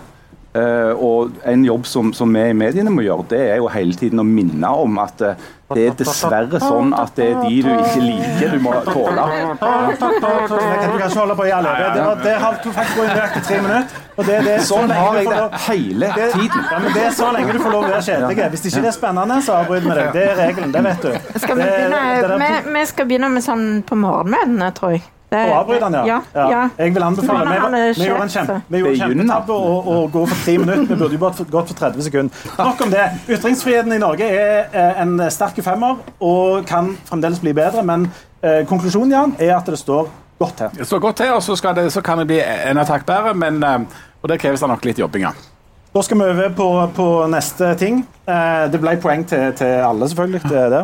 Eh, nå skal vi fram til en landsdel der de nettopp drepte en litt stor fisk som var oppkalt etter en sjokoladeprodusent. Det skal nå reises en statue av vedkommende fisk som egentlig forteller alt du trenger vite om denne landsdelen. Er det forslag til hvilken landsdel vi skal til? Det er så- Østlandet. Østlandet. ja. Østlandet, Det er Østlandet. akkurat, eh, Det er Østlandet. Jeg var litt skuffa, for jeg håpet, jeg, det var jo en stund den fisken drev og så spratt rundt. Det var jo svære fisker fisk og lett å faue på. Det svære tenner. I, i der, og med noen svære tenner og, og sånt som han kunne drepe andre dyr med. Eh, Som jo var sjokkerende. Reiv jo hodet av en svane og sånt. Nei, men det var synd med den fisken. Vi hadde, jo en, vi hadde jo en teori om at den fisken ikke hadde vart 45 sekunder hvis den for eksempel hadde vært på Finnøy. Uh, er det bare vi som godter oss over, over denne fisken på Østlandet, eller er det et eller annet gale med dem? Det var et ledende spørsmål. Så Harald. jeg, jeg, er for, altså jeg registrerte jo at når jeg starta en sånn spleis uh, på vegne av Freia for å reise et monument over denne fisken i, eh, sentralt på Østlandet, og jeg er for det. Eh, jeg vil gjerne at folk òg her bidrar med å sende penger til kontonummer 32 eh, 60 22 91690. Jeg trodde du fikk kolossalt høy lønn når du var redaktør. Trenger ikke mer penger. Jo da, trenger mer. Altså, mye de, vil ha har mer. de har jo nesten fått inn like mye nå som du blir betalt. Ja. I morgen. Men jeg merket meg, det var jo, jeg tror det var en representant for, for MDG som som sa i et eller annet medium at eh, barn i Oslo gråter i kveld. Ja. Med tanke på at den fisken nå ikke fins mer. Jeg har et forslag til en, en motspleis, eh, hvis dere kan være med på det. Så skal jeg begynne å samle penger. Skal vi sette den eh, Jeg vil ha et eget monument, og den skal hete Austlendingen. Det skal være en litt forkommen kar som står og griner, ser ned sånn, og så skal han ha et brett med sushi i hånda. som har altså så sørget. Samme kontonummeret eh, går til den. Eh, Det er helt rett. Vi skulle fram til, til Austlandet. Hvis det er noen austlendinger her inne, så må jeg bare si det. Dere har gått feil. Dere må bare gå ut. Ok, eh, Nå skal vi fram til et eh, produkt. Er dere klare til det? Dette produktet har eh, falt en 4-5-6 kroner i pris den siste tida. Altså er det ingen som gidder snakke om det. Eh, fordi at det er så billig.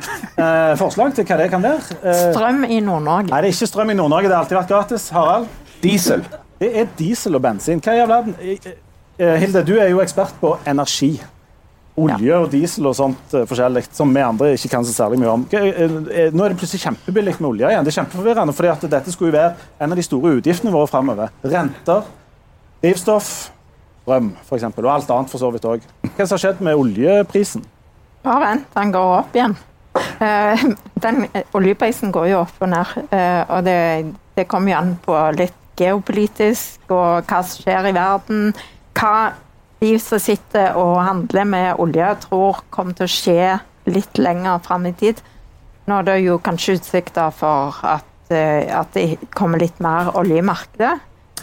Sånn virker jo oljemarkedet, men vi, vi vet jo det at det kan være like mye opp neste uke som det var ned denne uka. Kommer, kommer drivstoff til å være, altså bensin og diesel kommer det til fremdeles til å være en sånn en enorm eh, ekstra utgift for, for, for vanlige familier framover? Eller inntekt for Norge, så det vel da blir. Nei, det kan, ja. gjøre. Inntekt for Norge, eh, utgift for oss, ja. Um, den er jo ekstremt mye høyere uansett om man Men jeg går så diesel til 19 kroner. Det kommer ikke til å være, altså. Billigkjøp. Det, det er bare sånn to for én-tilbud. Men Leif Tore, sitter du der og sier at diesel til 19 kroner er billig? Ja, jeg syns det er kjempebillig. Er ikke det? Hvis jeg feiler deg. Det, er jo, altså, det koster jo, det er jo 9 kroner mer enn det var i fjor. Men det er jo åtte kroner mer, mindre enn det var for et par uker siden. Hvor langt er et tau? Hvordan er, det med, hvordan er det med dere og matte, egentlig? Jeg prøvde å regne hvor mye dette koster i prosent, men jeg kom ingen vei. Eh, men men diesel, eh, diesel kommer ikke til å Vi, kan ikke se for oss en eh, bensin-dieselpris på 19 kroner framover likevel. Nei, det tror jeg ikke. Utrolig kjedelig. Eh, det er jeg helt imot. Ok, eh, kom, Det var første energispørsmålet. Du, du fikk poeng på den. Neste. Vi skal fram til eh, ei folkegruppe. Eh, Nå, nå begynner det å bli komplisert. Ei folkegruppe der ca. 900 000 i denne folkegruppa ikke har råd til en uventa utgift på 19 000 kroner, ifølge Statistisk sentralbyrå. Hvilken folkegruppe er det vi skal fram til da? Er det folkegruppa folk flest? Ja. Det er jo ei kjempebra folkegruppe. jeg trodde det var utlendinger. Nei, nei, nei. nei. Vanlige er folk. vanlige nordmenn. Oh, ja. Vanlige nordmenn. Det er rett og slett I motsetning til uvanlige nordmenn, da. Nei, helt vanlige nordmenn. Ja. Hva sier det om økonomien til folk at vi, de, vanlige nordmenn ikke tåler en sånn en ekstrautgift? De har tatt opp altfor mye gjeld. Ja, det har de. Og så har de valgt seg jobber der de tjener altfor dårlig. Og så har de kjøpt to hytter, og så har de tatt opp lån på de tre bilene de har, og så har de kjøpt en Tesla. Mange har jo valgt å være fattige, eksempel, og det er utrolig tåpelig. Hvis, aldri hvis prisene stiger, og du har valgt å være fattige, så er jo det, det er jo egentlig ris til egen bak, da. Ja. Men, men altså, Dette har jeg spurt han Ola Kvaløy om, og han sier at det er sånn det er. ja. altså, Vi er masse sånne økonomer i rommet her, og det er veldig bra. Hvis du trenger, noen, trenger en økonom, så bare spring bort der. Okay, er Han, han, men, foreslår vel òg at folk burde arve mye mer. Fordi at det er Ja, for det er også smart. Altså, det er utrolig tåpelig å ikke arve masse penger. Uh, så det er jo òg din egen feil. det er sånn nok, nok vitser om det. Men, men, men, det er men, men tingen er at, at den norske befolkningen har jo enormt høy gjeld og har økt gjelda gjennom koronaen. Og det må bare stått inne. Hva har du brukt av de pengene til? Har Alle har pustet opp. Alle har pustet opp, så nå har vi noe voldsom gjeld. Eh, og det som jo er Problemet til hvert er jo da, hvis du da i tillegg kobler på litt eh, økning i renta, som de jo forventer nå. Eh, og da, Når jeg ser sånne eksperter på TV, så snakker de om at ja, si en, et vanlig, en vanlig husholdning som har fire millioner i gjeld. Det er jo ellevilt mye penger. Det er klart det blir uh, dyrt etter hvert. Det er jo klart, Hvis du har to hytter, så kan du jo kanskje selge den ene. Ja. Eh, Hvis du ikke har Ja, til en en- annen som ikke har råd til hytte. Ja. Eh, Eller så kan du måtte, det, Dette har det vært snakk om tidligere i Stavanger, at det var så gale fatt at eh, enkelte faktisk måtte gå over til, å, når de var på champagnelunsj, å gå ned til Prosecco. ja, det, det Det skjedde kan jo skje i igjen. Det var da blod rant i gatene. Et sånt, eh, i et sånt land vil ikke jeg bo i. Nei, og du kan måtte eh, senke temperaturen eh, i utebassenget med en grad, kanskje. Ja, sånn, det er fra, fra 2014. Eh, ONS 2014. Champagne. ONS 2016. Prosecco. ONS 2018. Vin. Ja, og ONS eh, 2020 mest avlyst, men nå når det blir ONS igjen, hva er det de skal servere for noe? Da var det ikke vann ifra Eh, ne- olje. Kranen. olje. olja. Ja. Men Aftenbladet hadde jo også en Det er tåredryppende greier. Ja, Altså. vi hadde jo en tåredryppende historie om noen som var så dårlig stilt at de til slutt måtte jobbe i kommunen. Um, Første sideoppslag. men uh, uansett, eh, eh, når så mange ikke tåler en utgift på 19 000 Uh, Nei, jo, på 19 000. eh, det sier noe òg om at eh, økningene i da, Hvis dieselen skal opp fra 19 så det koster Hvis de plutselig trenger 1000 liter diesel, ja. Som du gjør. som du jo gjør av og til Er det noen andre som vil være politisk redaktør i Stavanger Hvem som. K- Hvem som helst. Ja, anyone. Altså. OK, ingen får poeng for det. Det var elendige, eh, elendige um, Vi hadde jo rett. Eh, vi, skal, vi, skal, vi, vi hopper til neste. Vi skal altså fram til en hovedstad. Er dere gode på hovedstader? Hovedsteder, heter det vel. Denne byen har færre innbyggere enn Brann. Eh, Bergen, mener jeg. Eh, jeg uttaler jo konsekvent byer etter hva fotballag det er. Denne hovedstaden har et mye bedre fotballag enn Bergen. Og denne hovedstaden har rekvirert en elektriske båt av noe slag for å hevde seg i det åpne sørlandske mesterskapet i langpissing i Arendal. Hvilken hovedstad er det vi skal fram til? Ha. Energihovedstad. ja! Energi, veldig bra. veldig bra. Jeg visste det. Men du, det, som jeg, jeg kom sånn i tanke om Karl Marx når jeg så eh, Ja, det, denne det er det første jeg tenker på når jeg kommer inn her. Ja, ja. Treffer Harald Minge, tenker jeg Karl Marx. For det, for det, vi kom gående, så skulle vi se denne, her, denne svære, flotte båten som lå her. Og så kom vi gående bort, så så vi en svær, flott båt med noe sånn skrågreie på utsida. Så, liksom. Eh, så viser jeg at det var den båten som ligger rett bak her. Eh, og den første dagen da lå visst denne båten her alene, og da var det voldsomt svært alt det der.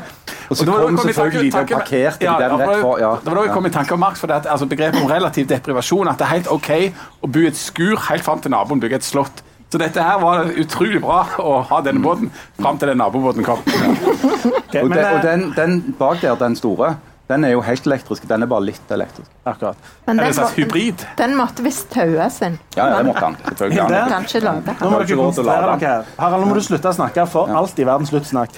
Eh, Hilde, hva, eh, hva, hvis du skal ta temperaturen på energihovedstaden Vi var jo oljehovedstaden, men det, jo, det går jo ikke lenger. Men energihovedstaden, er, er Stavanger fremdeles det? Eller er det bare noe vi trykker på et banner her oppe og håper at ingen legger merke til at det er feil? Det- det- Jeg vil si det siste. Okay. Det jeg, ja, Energihovedstaden er ikke altså Vi er etablert som oljehovedstaden, men eh, tror du at hvis du går rundt her og spør noen hva energihovedstaden er, så tror jeg ikke at eh, de fleste vil, som ikke er fra Stavanger, vil peke på Stavanger. Er det bare vårt eget selvbilde som sier at vi er energihovedstaden? Nei, jeg tror det bare er mye vanskeligere å etablere det som et begrep. For olje er noe veldig konkret, det er én ting. Men, eh, mens energibegrepet blir jo et vidt begrep, og hva inneholder det? Hvorfor er vi energihovedstaden? Hva er det vi gjør? Det tror jeg mangler litt. Men, men det er jo sånn så som men- vi er prøver å etablere etter hvert, men du, da må det være mer konkret. Men det er vel et forsøk på branding, er det ikke det? da? Jo. For Dette er problematisk med denne olja. Men det er jo ikke noen andre byer som er energihovedstaden heller i Norge. Så det, altså, Hvis du hadde spurt noen borti Pølen her, så hadde jo ingen svart noen ting som helst. Kanskje det ikke er noe i det hele tatt. kanskje ikke, det ikke fins en energihovedstad. Men, eh, men vi skal jo stille oss om fra olje til, til all slags annet. Eh, litt sånn mikkmakk og lappeteppe av forskjellige energityper. Er ikke, hvor, hvor ligger Stavanger og Rogaland og Vestlandet an i liksom det der kappløpet der? Jeg har stått og hørt på en del her, og alt handler jo om det At vi skal, ligge, vi skal være langt framme i shortsen i det kappløpet der, som det heter. Flott uttrykk. Um, er, vi, er, vi, er vi liksom i leder med feltet der, eller ligger vi langt bak? Eller hvor, hvor, hvor Nei, er altså, her er det jo konkurranse på her. Ønsker jo Bergen å ta litt, og Trondheim å ta litt, og andre plasser å ta litt av den kaka. Eh, Så jeg tror det er vanskeligere nå enn for eh, 30 år siden de prøvde å bli eh, oljehovedstad. Eller mer enn 30 år siden. Eh, og, og etablere det, da, fordi at det, det er ikke så konkret. Hva skal du ta? Skal du ta havvind? Skal du ta eh, batterifabrikker? De bygges overalt. Så jeg tror nok det er litt vanskeligere i konkurranse med andre. Er du enig, Harald? Er, det, er vi akterutseilt, eller er vi Jeg vil ikke si at eh, Rogaland og Stavanger og regionen er akterutseilt. For det at eh, vi har jo fortsatt Det er jo lett å glemme når du er i Arendal f.eks., eller hvis du eh, forviller deg bort på Østlandet, eh, hvor eh, mye av den såkalte, altså den såkalte offentlige samtalen om energi lader til å prøve å innbille folk at vi har slutta med olje og gass i dette landet. Det har vi ikke gjort. Vi, inn, vi utvinner enormt mye og selger enormt mye olje og gass. Det er fortsatt det vi i gåseøynene lever av. Sånn at denne brandingen som handler om at vi skal slutte å bruke de der fæle ordene og kalle det for energi istedenfor, den er jo nokså gjennomsiktig. Eh, men så tror jeg nok òg at eh, og en del av de tingene som har blitt vist på denne båten i, går og i dag og senere i denne uka, viser jo òg at det er veldig stor, altså det oppstår en veldig stor kreativitet i denne bransjen som har vært veldig olje- og gassretta, når en ser at det er muligheter for å tjene penger på noe annet. Ehm, og, og Derfor så, så er det noe altså, det, er jo, det er jo på en måte feil å si at Stavanger er energihovedstaden. For det, det kan liksom, akkurat nå er det jo Moskva egentlig som er energihovedstaden. eh, men, men vi holder jo på. Det er en masse aktivitet knytta til å få, få liksom, lage arbeidsplasser og tjene penger på noe annet enn olje og gass. Som handler om energi. Det er jo klart, helt, helt klart store muligheter. Men det er det eh, om, om vi blir sett på som energihovedstaden utenfra, det, det er jeg ikke sikker på. Kanskje blant de som er i akkurat de bransjene hvor de, hvor de reiser mye til Stavanger har mye med Stavanger å gjøre. Men jeg tror ikke det er et sånt eh, begrep for alle andre i dette landet. Men er det et poeng, da? Altså, er det noe vits? Altså, det jo ingenting. Ja, vi har det jo oppå på båten her, så for de som har ja, hengt opp plakatene, er det jo det. Men jeg så, jeg så eh, tallet for eksporten i fjor i Norge. og det jeg mener at det var for var det 1872 milliarder sånn cirka. Det var blitt eksportert og bare til utlandet. Halvparten av det er olje og gass. Og så er eh, og resten fisk, eller ikke fullt, ikke fullt halvparten med fisk. Men det er jo helt åpenbart at, at i hvert fall av det vi eksporterer, er det jo altså i overveldende grad olje og gass. Og så vil nok eh, og, altså, Sosialøkonomen Jens Stoltenberg har vel sagt flere ganger at det, men allikevel den største ressursen og den viktigste ressursen i Norge er jo hovene våre. Da. Det er jo ikke olje og gass. Og det er jo helt åpenbart at i tillegg til kreativitet, så fins det jo en Hovene våre? kompetanse Ikke hovene våre, hovene til de andre de som Jeg jobber. tror ikke vi skal, jeg ikke vi skal satse 100 på Hovene våre. Hovene til de som ekte jobber. Ja, okay. Men de, de kan jo noe om dette, i motsetning til oss. Da. Så nei, de, altså, de kan jo bruke det, det de har lært av å Nei, ikke pumpe opp olja, men få den olja opp eh, og, og, og gjøre ting der så, til å på en måte ta dette videre. da. Det er bare utlendinger som skal sier at vi pumper opp olja. Hvis dere er lite glad i livet, så treff Harald Birkvold på kaikanten og så sier du det der med å pumpe opp olje, da kommer han bare dytte dere ut forbi og så jeg at dere må lære dere dette før dere får lov å komme opp igjen. Eh, vi gidder ikke ta hele den forklaringen på Nei. nå. Nei. Du, med, neste gang, nå. Nå skal vi fram til en del av på en måte tilværelsen vår som alle var veldig glad i og ville verne om når strømprisene var lave, men som vi nå gir blanke F i, fordi at nå trenger vi vindmøller og havmøller og tredemøller for å få ned strømregningen. Hva er det vi skal fram til da? Jeg kan røpe at det er kun Harald av oss som bryr seg om dette. Naturen. Det er naturen, ja. Det er akkurat det det er. Det er selveste naturen. Jeg hadde glemt hele naturen. Jeg visste ikke at det fantes engang. Hadde det. Det er det som er rett Det utenfor bygrensa. Det er det der grønne der borte. Det er det du kjører gjennom på vei Ja. mellom to forskjellige byer. Det er det. Ja. Eh, du, ja, det er jo du, Harald. Du er jo glad i naturen. Du har jo Ja. tilbrakt de to siste ukene i isolat på ei hytte oppe i Suldal. Det er korrekt. Eh, der du har sittet og gudene vet hva du holder på med. Eh, Litt av hvert. Litt av hvert, ja. Jeg tror ikke vi vil vite. Men du har jo drept et reinsdyr bare med hendene. Ja, ja, men altså Ja. Ja, kan vi ikke kan, Nei, vi vil ikke fortelle den. Vi vil ikke ha all den hetsen og hatet. Ok, Det er ikke hets og hat. Vi har ytringsfrihet i Norge. og det, det Skal er du ikke starte en spleis og så Nei. Folk må jo tåle å Jeg jeg vil ikke snakke mer om det reinsdyret. Okay. men Vi går tilbake til naturen. Ehm, eh, kommer denne naturen til å nå bli lagt i grus eh, fordi at vi får eh, dårligere råd? Det ikke, tror du ikke vi er litt mer tilbøyelige til å smelle opp litt ymse og diverse Jo. rundt hytta di nå som eh, ting eh, som vi merker det på Jo, jeg tror nok mange er tilbøyelige til litt ymse og diverse. Eh, Jeg merker meg jo at veldig mange politikere som er pressa nå, sant, og sier hva er løsningen på denne energikrisen. Vi kan ikke leve med disse strømprisene. I morgen er det predikert at eh, strømprisen kommer til å ligge mellom fem og seks kroner. Og men bare i noen deler av landet. bare i noen deler av landet. Uh, F.eks. denne delen her inne på denne båten. Uh, sånn at det er klart det vil sette mye, ting, mye under press. Uh, det snakkes om vi må få opp produksjonen av fornybar kraft. Det betyr mer vind, vindkraft, mer vannkraft. Uh, og ikke bare opprustning av eksisterende anlegg, men utbygging av nye elver. Og det er klart det er jo konfliktfullt. I et roge, som sånn, du tar Rogaland som et eksempel, så er jo 80% av den utnyttbare vannkraften stort sett allerede eh, bygd ut. Sånn at Hvis du skal bygge ut nye vassdrag i Rogaland, så vil du måtte ta liksom, Indreflen, de siste restene av uber uberørte vassdrag, vil gå med. da. Jeg tror ikke at du kommer så langt fordi at konfliktnivået er så høyt. Eh, men jeg tror at det vil føre til mye kreativitet hos strømselskapene, hos kraftprodusentene, for å så klare å få mer ut av det de allerede har. Hvorfor har vi ikke en eh, enorm satsing på å spare energi? Ofte når du mangler noe, så tenker du at vi skulle spart litt på det. Ja, det- I Stavanger hadde vi var det jo en ordning der folk kunne søke om støtte til å kjøpe um, varmepumper. Varmepumper. Det var nok en festdag for den øvre middelklassen som tilfeldigvis hadde 20 000 liggende, så de kunne kjøpe dem og søke det igjen av kommunen. Eh, Det ble ferdig sånn. Men hvorfor har vi ikke en jeg har en storstilt teori, satsing på og jeg er sikker på at økonomene i lokalet vil være kanskje stusse. Uenige. Eller være uenige. Jeg, vet ikke, men altså, jeg tror at en grunn til at det ikke blir satsa mye mer på å spare strøm, det er at det er ingen som tjener penger på at noen sparer strøm. Ja. Men eh, det fins jo en ordning som heter Enova, som vi alle betaler inn til gjennom strømregningen. Eh, og som nå er så vanskelig for vanlige folk å søke på. Kriteriene er så vanskelige. Det, du, du må, selv om du er snekker, så får du ikke lov til å installere ting eller bygge ting i ditt eget hus som du kan gjøre på jobben. Eh, Du må få noen andre inn, du må få eh, ja, veldig mye eh, vanskeligheter med å få denne støtten. Det må du gjøre mye enklere. Du må ta mye mer penger fra Enova. Eh, Det er masse penger som ligger igjen der ubrukt. Du kan ta alle de pengene kan bruke de på å gi til sånne tiltak. Gratis for alle, f.eks. Eh, ting som folk trenger for å spare strøm. Men ingenting vil gå fort. altså Det er ikke noen quick fix på dette her uansett. Det er Det er jo faktisk noe av det kjappeste du kan gjøre.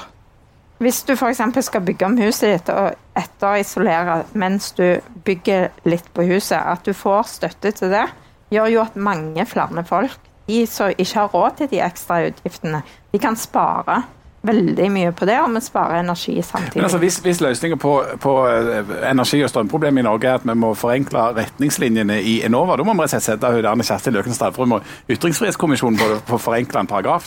ja, det Jeg synes er faktisk det som så enkelt. problemet. Det er jo kult. Ja.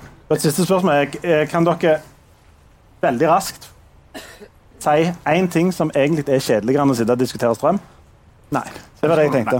Jeg vet hvordan dere har det. Det pleier å være kjedelig, men nå er det jo ikke det lenger. Det er jo Det pleier å være kjedelig. Nå er jo alle opptatt av det. Alle snakker om Ja, det. ja, jeg synes bare når du har snakket om det, at det høres hørtes enormt kjedelig ut. Du, du syns jo alt jeg sier er kjedelig. Ja, det har du forstått. Det var noen i går som sa til meg at eh, nå har strøm blitt sexy. Ja. Strøm har vært kjedelig i alle år. Ingen som har brydd seg om det. Nå er det sexy. ja, du, Det var sent på kvelden og de var skikkelig Ja, men det er jo Det faktisk, det er faktisk et godt poeng. For se, se på Lyse, f.eks. Selskapet vårt, vårt alles Lyse. Sant? Eh, Det, det var jo kjedeligste Lyse visste, var jo det der strømdriten. Sant? Det var jo ingen i Lyse som holdt på med det. Sant? De skulle holde på med, holde på med Altibox og, og, og lage altså, spennende smartbyløsninger. Og plutselig nå, så eneste Eimund Nygaard stakkar som er nødt til å snakke om, er jo strøm. Eh, Og hvordan han skal klare å lage mer av det, og selge den billigere. Eller hvordan skal klare å gjøre alle altså, Strøm har jo på en måte blitt sexy igjen. Det har jo det. Det bare- Nei, det har bare- ikke det. Hvis noe er dyrt, så er det litt sexy. Nei, dere, det, var, det var et brukbart forsøk, men dere har, eh, dere har helt feil. Eh, Derfor fortsetter vi litt i samme, samme retning. Og nå skal vi frem til en kommune som er kjent for tre ting. Ungkarsfestival. Harald Birkevold har hytta eller isolat der oppe. Og noen måneder, I noen måneder i år sitter han der. Og så vil kommunen sette en makspris på, på strøm for de som bor der, på 50 øre. Kan det Kommunen være? heter Kan det være Suldal? Det kan være Suldal. Eh, interessant tanke at eh, og, eh, det skal være opp til hver enkelt kommune hvor mye det koster. Sånn at de som bor i, i Klepp, kan sitte og peke på de i H eller i time og så si at dere betaler 18 ganger mer for strømmen enn det vi gjør. Skal vi overlate det til hver kommune bare holde på med dette? her? Er det en god idé? Vil du ha et sånt tullesvar eller et sånn ordentlig svar? Jeg vil ha et ordentlig svar, men hvis jeg dupper av, så be beklager jeg på forhånd. Ja. Nei, altså, det er jo fordi Sula kommune har jo en masse kraftanlegg, så de har det de kaller for konse- konsesjonskraft. Så de kan skalte og valte med sånn som de vil, nærmest. Eh, ikke sovne nå. Eh, så det gjør at de har muligheter til å gi sånne eh, ordninger eh, til sine egne innbyggere som mange andre kommuner ikke har. Men eh, kan Stavanger finne en egen ordning? Hvis de finner noen penger på et bakrom, så kan de bare Du finner, sant? Eh, helsike, her lå det 100 millioner. Vi deler jo ut litt strømstøtte forskjellig. Er det noe i veien for at han kan gjøre det for å bli populær? Han altså, trenger jo virkelig å bli Ja, det er jo et spørsmål. For, det at, for eksempel, hvis, hvis noen hadde sagt til Lyse seg, som lager strøm til veldig mange av oss i vår region i Stavanger og, og, og området der, og sagt at ok, nei, dere, nå kommer dere sette ned prisen til 35 øre, som var f.eks. er Rødt sitt forslag. da. Så, så ville jo det vært et kjempeproblem for Lyse, for det at de må betale eh, grunnrenteskatt så, av markedsprisen på den strømmen. Så de hadde jo differansen mellom 35 øre og hva er det i morgen, 6 kroner. Det hadde blitt ganske dyrt for Lyse, det. Så kanskje den beste måten å dele ut penger fra Lyse på, er å dele ut penger til eierne, altså kommunene, altså oss. Og så kan kommunene dele de videre ut til oss i form av f.eks. ikke jeg, billigere de, kommunale avgifter, eller et eller annet. Så. Eller gratis SFO. Eller det. Eller så kan Lyse gi de pengene til Viking, så de kan få kjøpt seg en ny spiss. Ja, ja, det kan de òg gjøre. Ja. Da har vi avgjort hva Lyse skal bruke pengene da blir det god energi. Da blir det god energi. Det blir kjempeenergi. OK, eh, neste. Vi skal fram til en landsdel som ligger litt usentralt og kneder til. Østlandet. Helt riktig. Neste spørsmål. Eh, nå skal vi fram til et politisk parti som nå midt i strømkrisen har klokketro på at nøyaktig den samme politikken de hadde før denne krisen, skal føre oss ut av denne krisen. Hvilket politisk parti er det jeg snakker om? Det kongelige norske Arbeiderparti. Helt rett, Jan. Ja, og Høyre Det er helt riktig. Hilde. Venstre. Helt riktig. Ja, helt riktig. Flere. eh, Kristelig Folkeparti. Kristelig Folkeparti, ja. ja. Eh, nei, fra, fra, eh, fra en litt dårlig spøk til alvor. Er det noen, eh, har det skjedd noe med politikken nå når vi får en sånn en krise? Er det noen som har snudd om på alt og sagt at det vi trodde før eh, for et år siden at det skulle fungere, det fungerer ikke, så vi skal gjøre noe helt nytt? Nei, dessverre. Nei, Det- dessverre. det- Ja, nei, heldigvis. Nei, dessverre. For det, det er jo flere partier som burde gå litt i seg sjøl. Og så heller si Vet du hva, vi gjorde helt feil. Nå ser vi på det en gang til. Og så, så vurderer vi det en gang til. Problemet er vel ikke at det ikke blir sett på og vurdert nok akkurat for tida. Det er jo det som er Litt hele greia nå. litt kjappere enn det, Jeg ser, kanskje. ser enormt nøye på det Ja, og det vurderer. og-. Men, men skal, de, skal, skal de politikerne ta hele politikken som de har tro på før, og bare hive den på båten? Nei, men eller på sjøen? Eller hvor, hvor Hvis du f.eks. snakker om elektrifisering av sokkelen, eh, som er et av mitt favorittema Og det er enda kjedeligere enn strømpriser. Jeg, der får du faktisk et ekstrapoeng. Vær så god. Det er jo ikke kjedelig. Det er kjempekjedelig. Det er ikke Men- kjedelig i det hele tatt. Ja, men Si noe om det, for jeg syns faktisk ikke det er kjedelig. Det er, det er jo klin kokos! Ja, det er klin kokos. Og når oljeministeren står og sier nei, det skal vi holde på med likevel, eh, så syns jeg at han burde gå i seg sjøl og tenke kanskje ikke var en lur idé likevel. Ja, og Hvorfor er det klin kokos? Jo, fordi at vi, nå sliter vi altså med, med mangel på kraft og absurde strøm, strømpriser. Men altså det er framfor alt fordi det er jo et knapphetsgode. Det er for lite energi i, rundt omkring i Europa i dette kraftmarkedet. Hva skal vi gjøre da? Jo, da skal vi bruke milliarder og filioner og alt sånt på å sende en masse strøm ut i Nordsjøen for at de skal produsere gass, så de skal eksportere til Europa. Eh, og det eneste poenget med det er jo altså du får svidd av kolossalt mye penger, og så ser det bra ut på vårt klimaregnskap, fordi de brenner gass en annen plass, altså nede i Europa. Så ser det ikke så bra ut for deg. Men altså, det Jeg lagde en sånn fin tegning helt sjøl og tegnte Norge. Og der eh, sender vi strøm ut fra Havvind er jo svar på absolutt alt. Fra vinden i få inn til Norge i en ledning. Ut i en ledning til en plattform.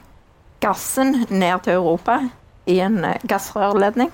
Og så gjør vi den om til strøm, og så sender man opp til Norge i en ledning. Ja. Og så taper du ekstremt mye energi på veien Ja. Men om ikke det er bitte litt bevegelse i dette, denne elektrifiseringsdebatten nå. SV var litt sånn på glid at vi vi kan droppe det hvis dere hvis Nei, eh, SV sier jo nå at de skal eh, De vil elektrifisere sokkelen.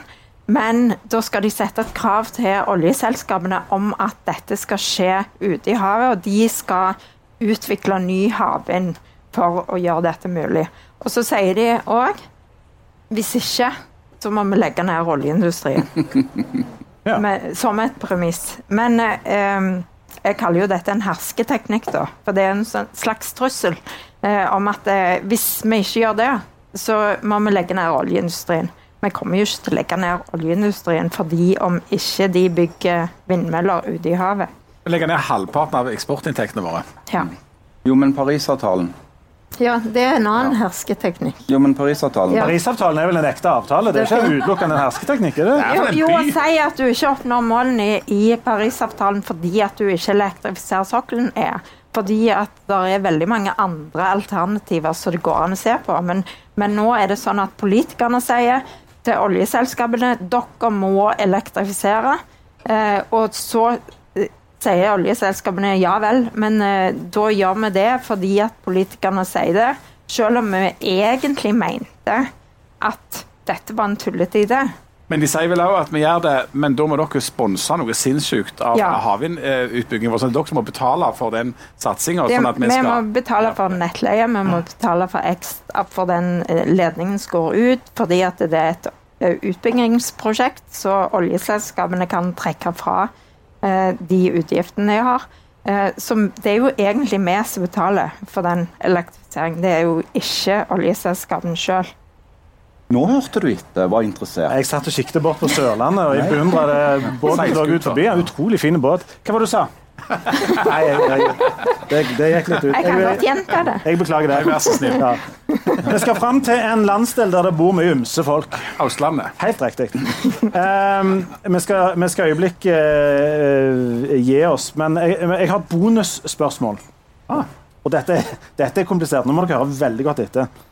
Vi skal fram til et økonomisk system som står helt på egne bein i gode tider. Men hvis det blir litt bratt, så kommer dette økonomiske systemet og kreve at staten, som ellers skal holde seg langt unna, må bidra med krisepakke til krisepakke og hjelpe å dytte opp bakken og ned bakken. og sånn. Er det noen som har peiling på hva for et økonomisk system Kan det være kommunismen? Nei, det kan ikke være kommunismen. Det er jo kapitalismen som alle er så glad i. Ja, stemmer det. Ja. Eh, Norge er jo rikt, men er det noen grenser for hvor mange krisepakker den norske staten skal øse ut over Altså, alle trenger det. sant? Privatpersoner trenger det, bedriftene trenger det, eh, kulturlivet, som jeg og Jan har holdt med, de trenger krisepakker absolutt hele tida. For alt mulig. Til og med når alt går greit, skal det være krisepakker. Skal vi lage krisepakker for at nordmenn skal kunne stå på slalåmski i 10 plussgrader på kunstsnø? Er det en statlig oppgave å gi penger til å produsere den kunstsnøen? Klart det. Hvorfor? er for? Det hørtes ut som en sånn Det var et ledende spørsmål. og svare nei på. Det hørtes ut som en sånn ankett i Nettavisen. Fordi staten skal jo betale for alt. Er det Det er jo sånn det har blitt. Ja. Nei, men, men, eh, men seriøst så har jo denne eh, krisen og det at alle spør staten om penger nå, faktisk fått uh, Trygve Slagsvold Vedum til å høres ut som en litt fornuftig mann. Så én god ting har kommet ut. Ingen krise forgjeves, altså? Er det det du prøver å si? Nei, Hans nye budskap nå er jo at alltid før så har det vært sånn i Norge at hvis det eksisterer et problem, så kaster du penger på det. Men at i den nye tida så må de, de øve seg opp i at de skal bruke mindre penger på ting. Så nå skal det knipes inn. Så han høres plutselig ut som det motsatte av det han var rett før han fikk den jobben. Altså populist som skulle hive penger på absolutt alle problemer. Jeg tror Trygve Slagsvold hvor i stort og helt er ganske fornuftig. Han har bare oppdaget at det er forskjell på å være i opposisjon og posisjon. Ja. Eh, og Samtidig så er, må vi jo leve med dette paradokset at eh, når mange av oss eh, merker ting på privatøkonomien, så kommer det mye penger inn i statskassen. Er det, ikke, da et statlig ansvar å passe på at vi andre får en del av dette, enten det er kunstsnø eller bitcoin eller andre fornuftige ting som du vil alle bør si sitte på? det, beste, det mest ansvarlige staten kan gjøre, er jo å sørge for at folk ikke får tilgang på de pengene, for du vet jo hva de kommer til å finne på. De kommer til å kjøpe en ekstra hytte, en Ja, ja, så skal de ha Tesla X, og så skal de- Så reiser de til USA og bruker opp alle pengene sine. Ja, noen gjør det. Og så kjøper de rusbrus og men, Ja, ja. sånt. Det siste, det, det siste spørsmål. Vi skal fram til en landsdel der folk gjør sånne ting. Forslag? Østlandet. Østlandet. Helt riktig. Du, da er tida vår ute. Eh, vi takker for oss. Vi kunne ha sittet her lenger, men nå går ryktene om at det er fingermat og, og sånn eh, champagne, gratis champagne. Det er sikkert Lyse som har det òg, ikke det? Ja. Dagens vinner er eh, Jan. Du kan gå hjem og legge deg. Dere andre må være igjen og snakke med folk fra Næringsforeningen og Lyse. Jeg beklager det. Eh, Ja, ja. Takk til, til alle som kom, og lykke til i eh, fortsettelsen her på Demokratiets dansegulv i Arendal. Ha det godt.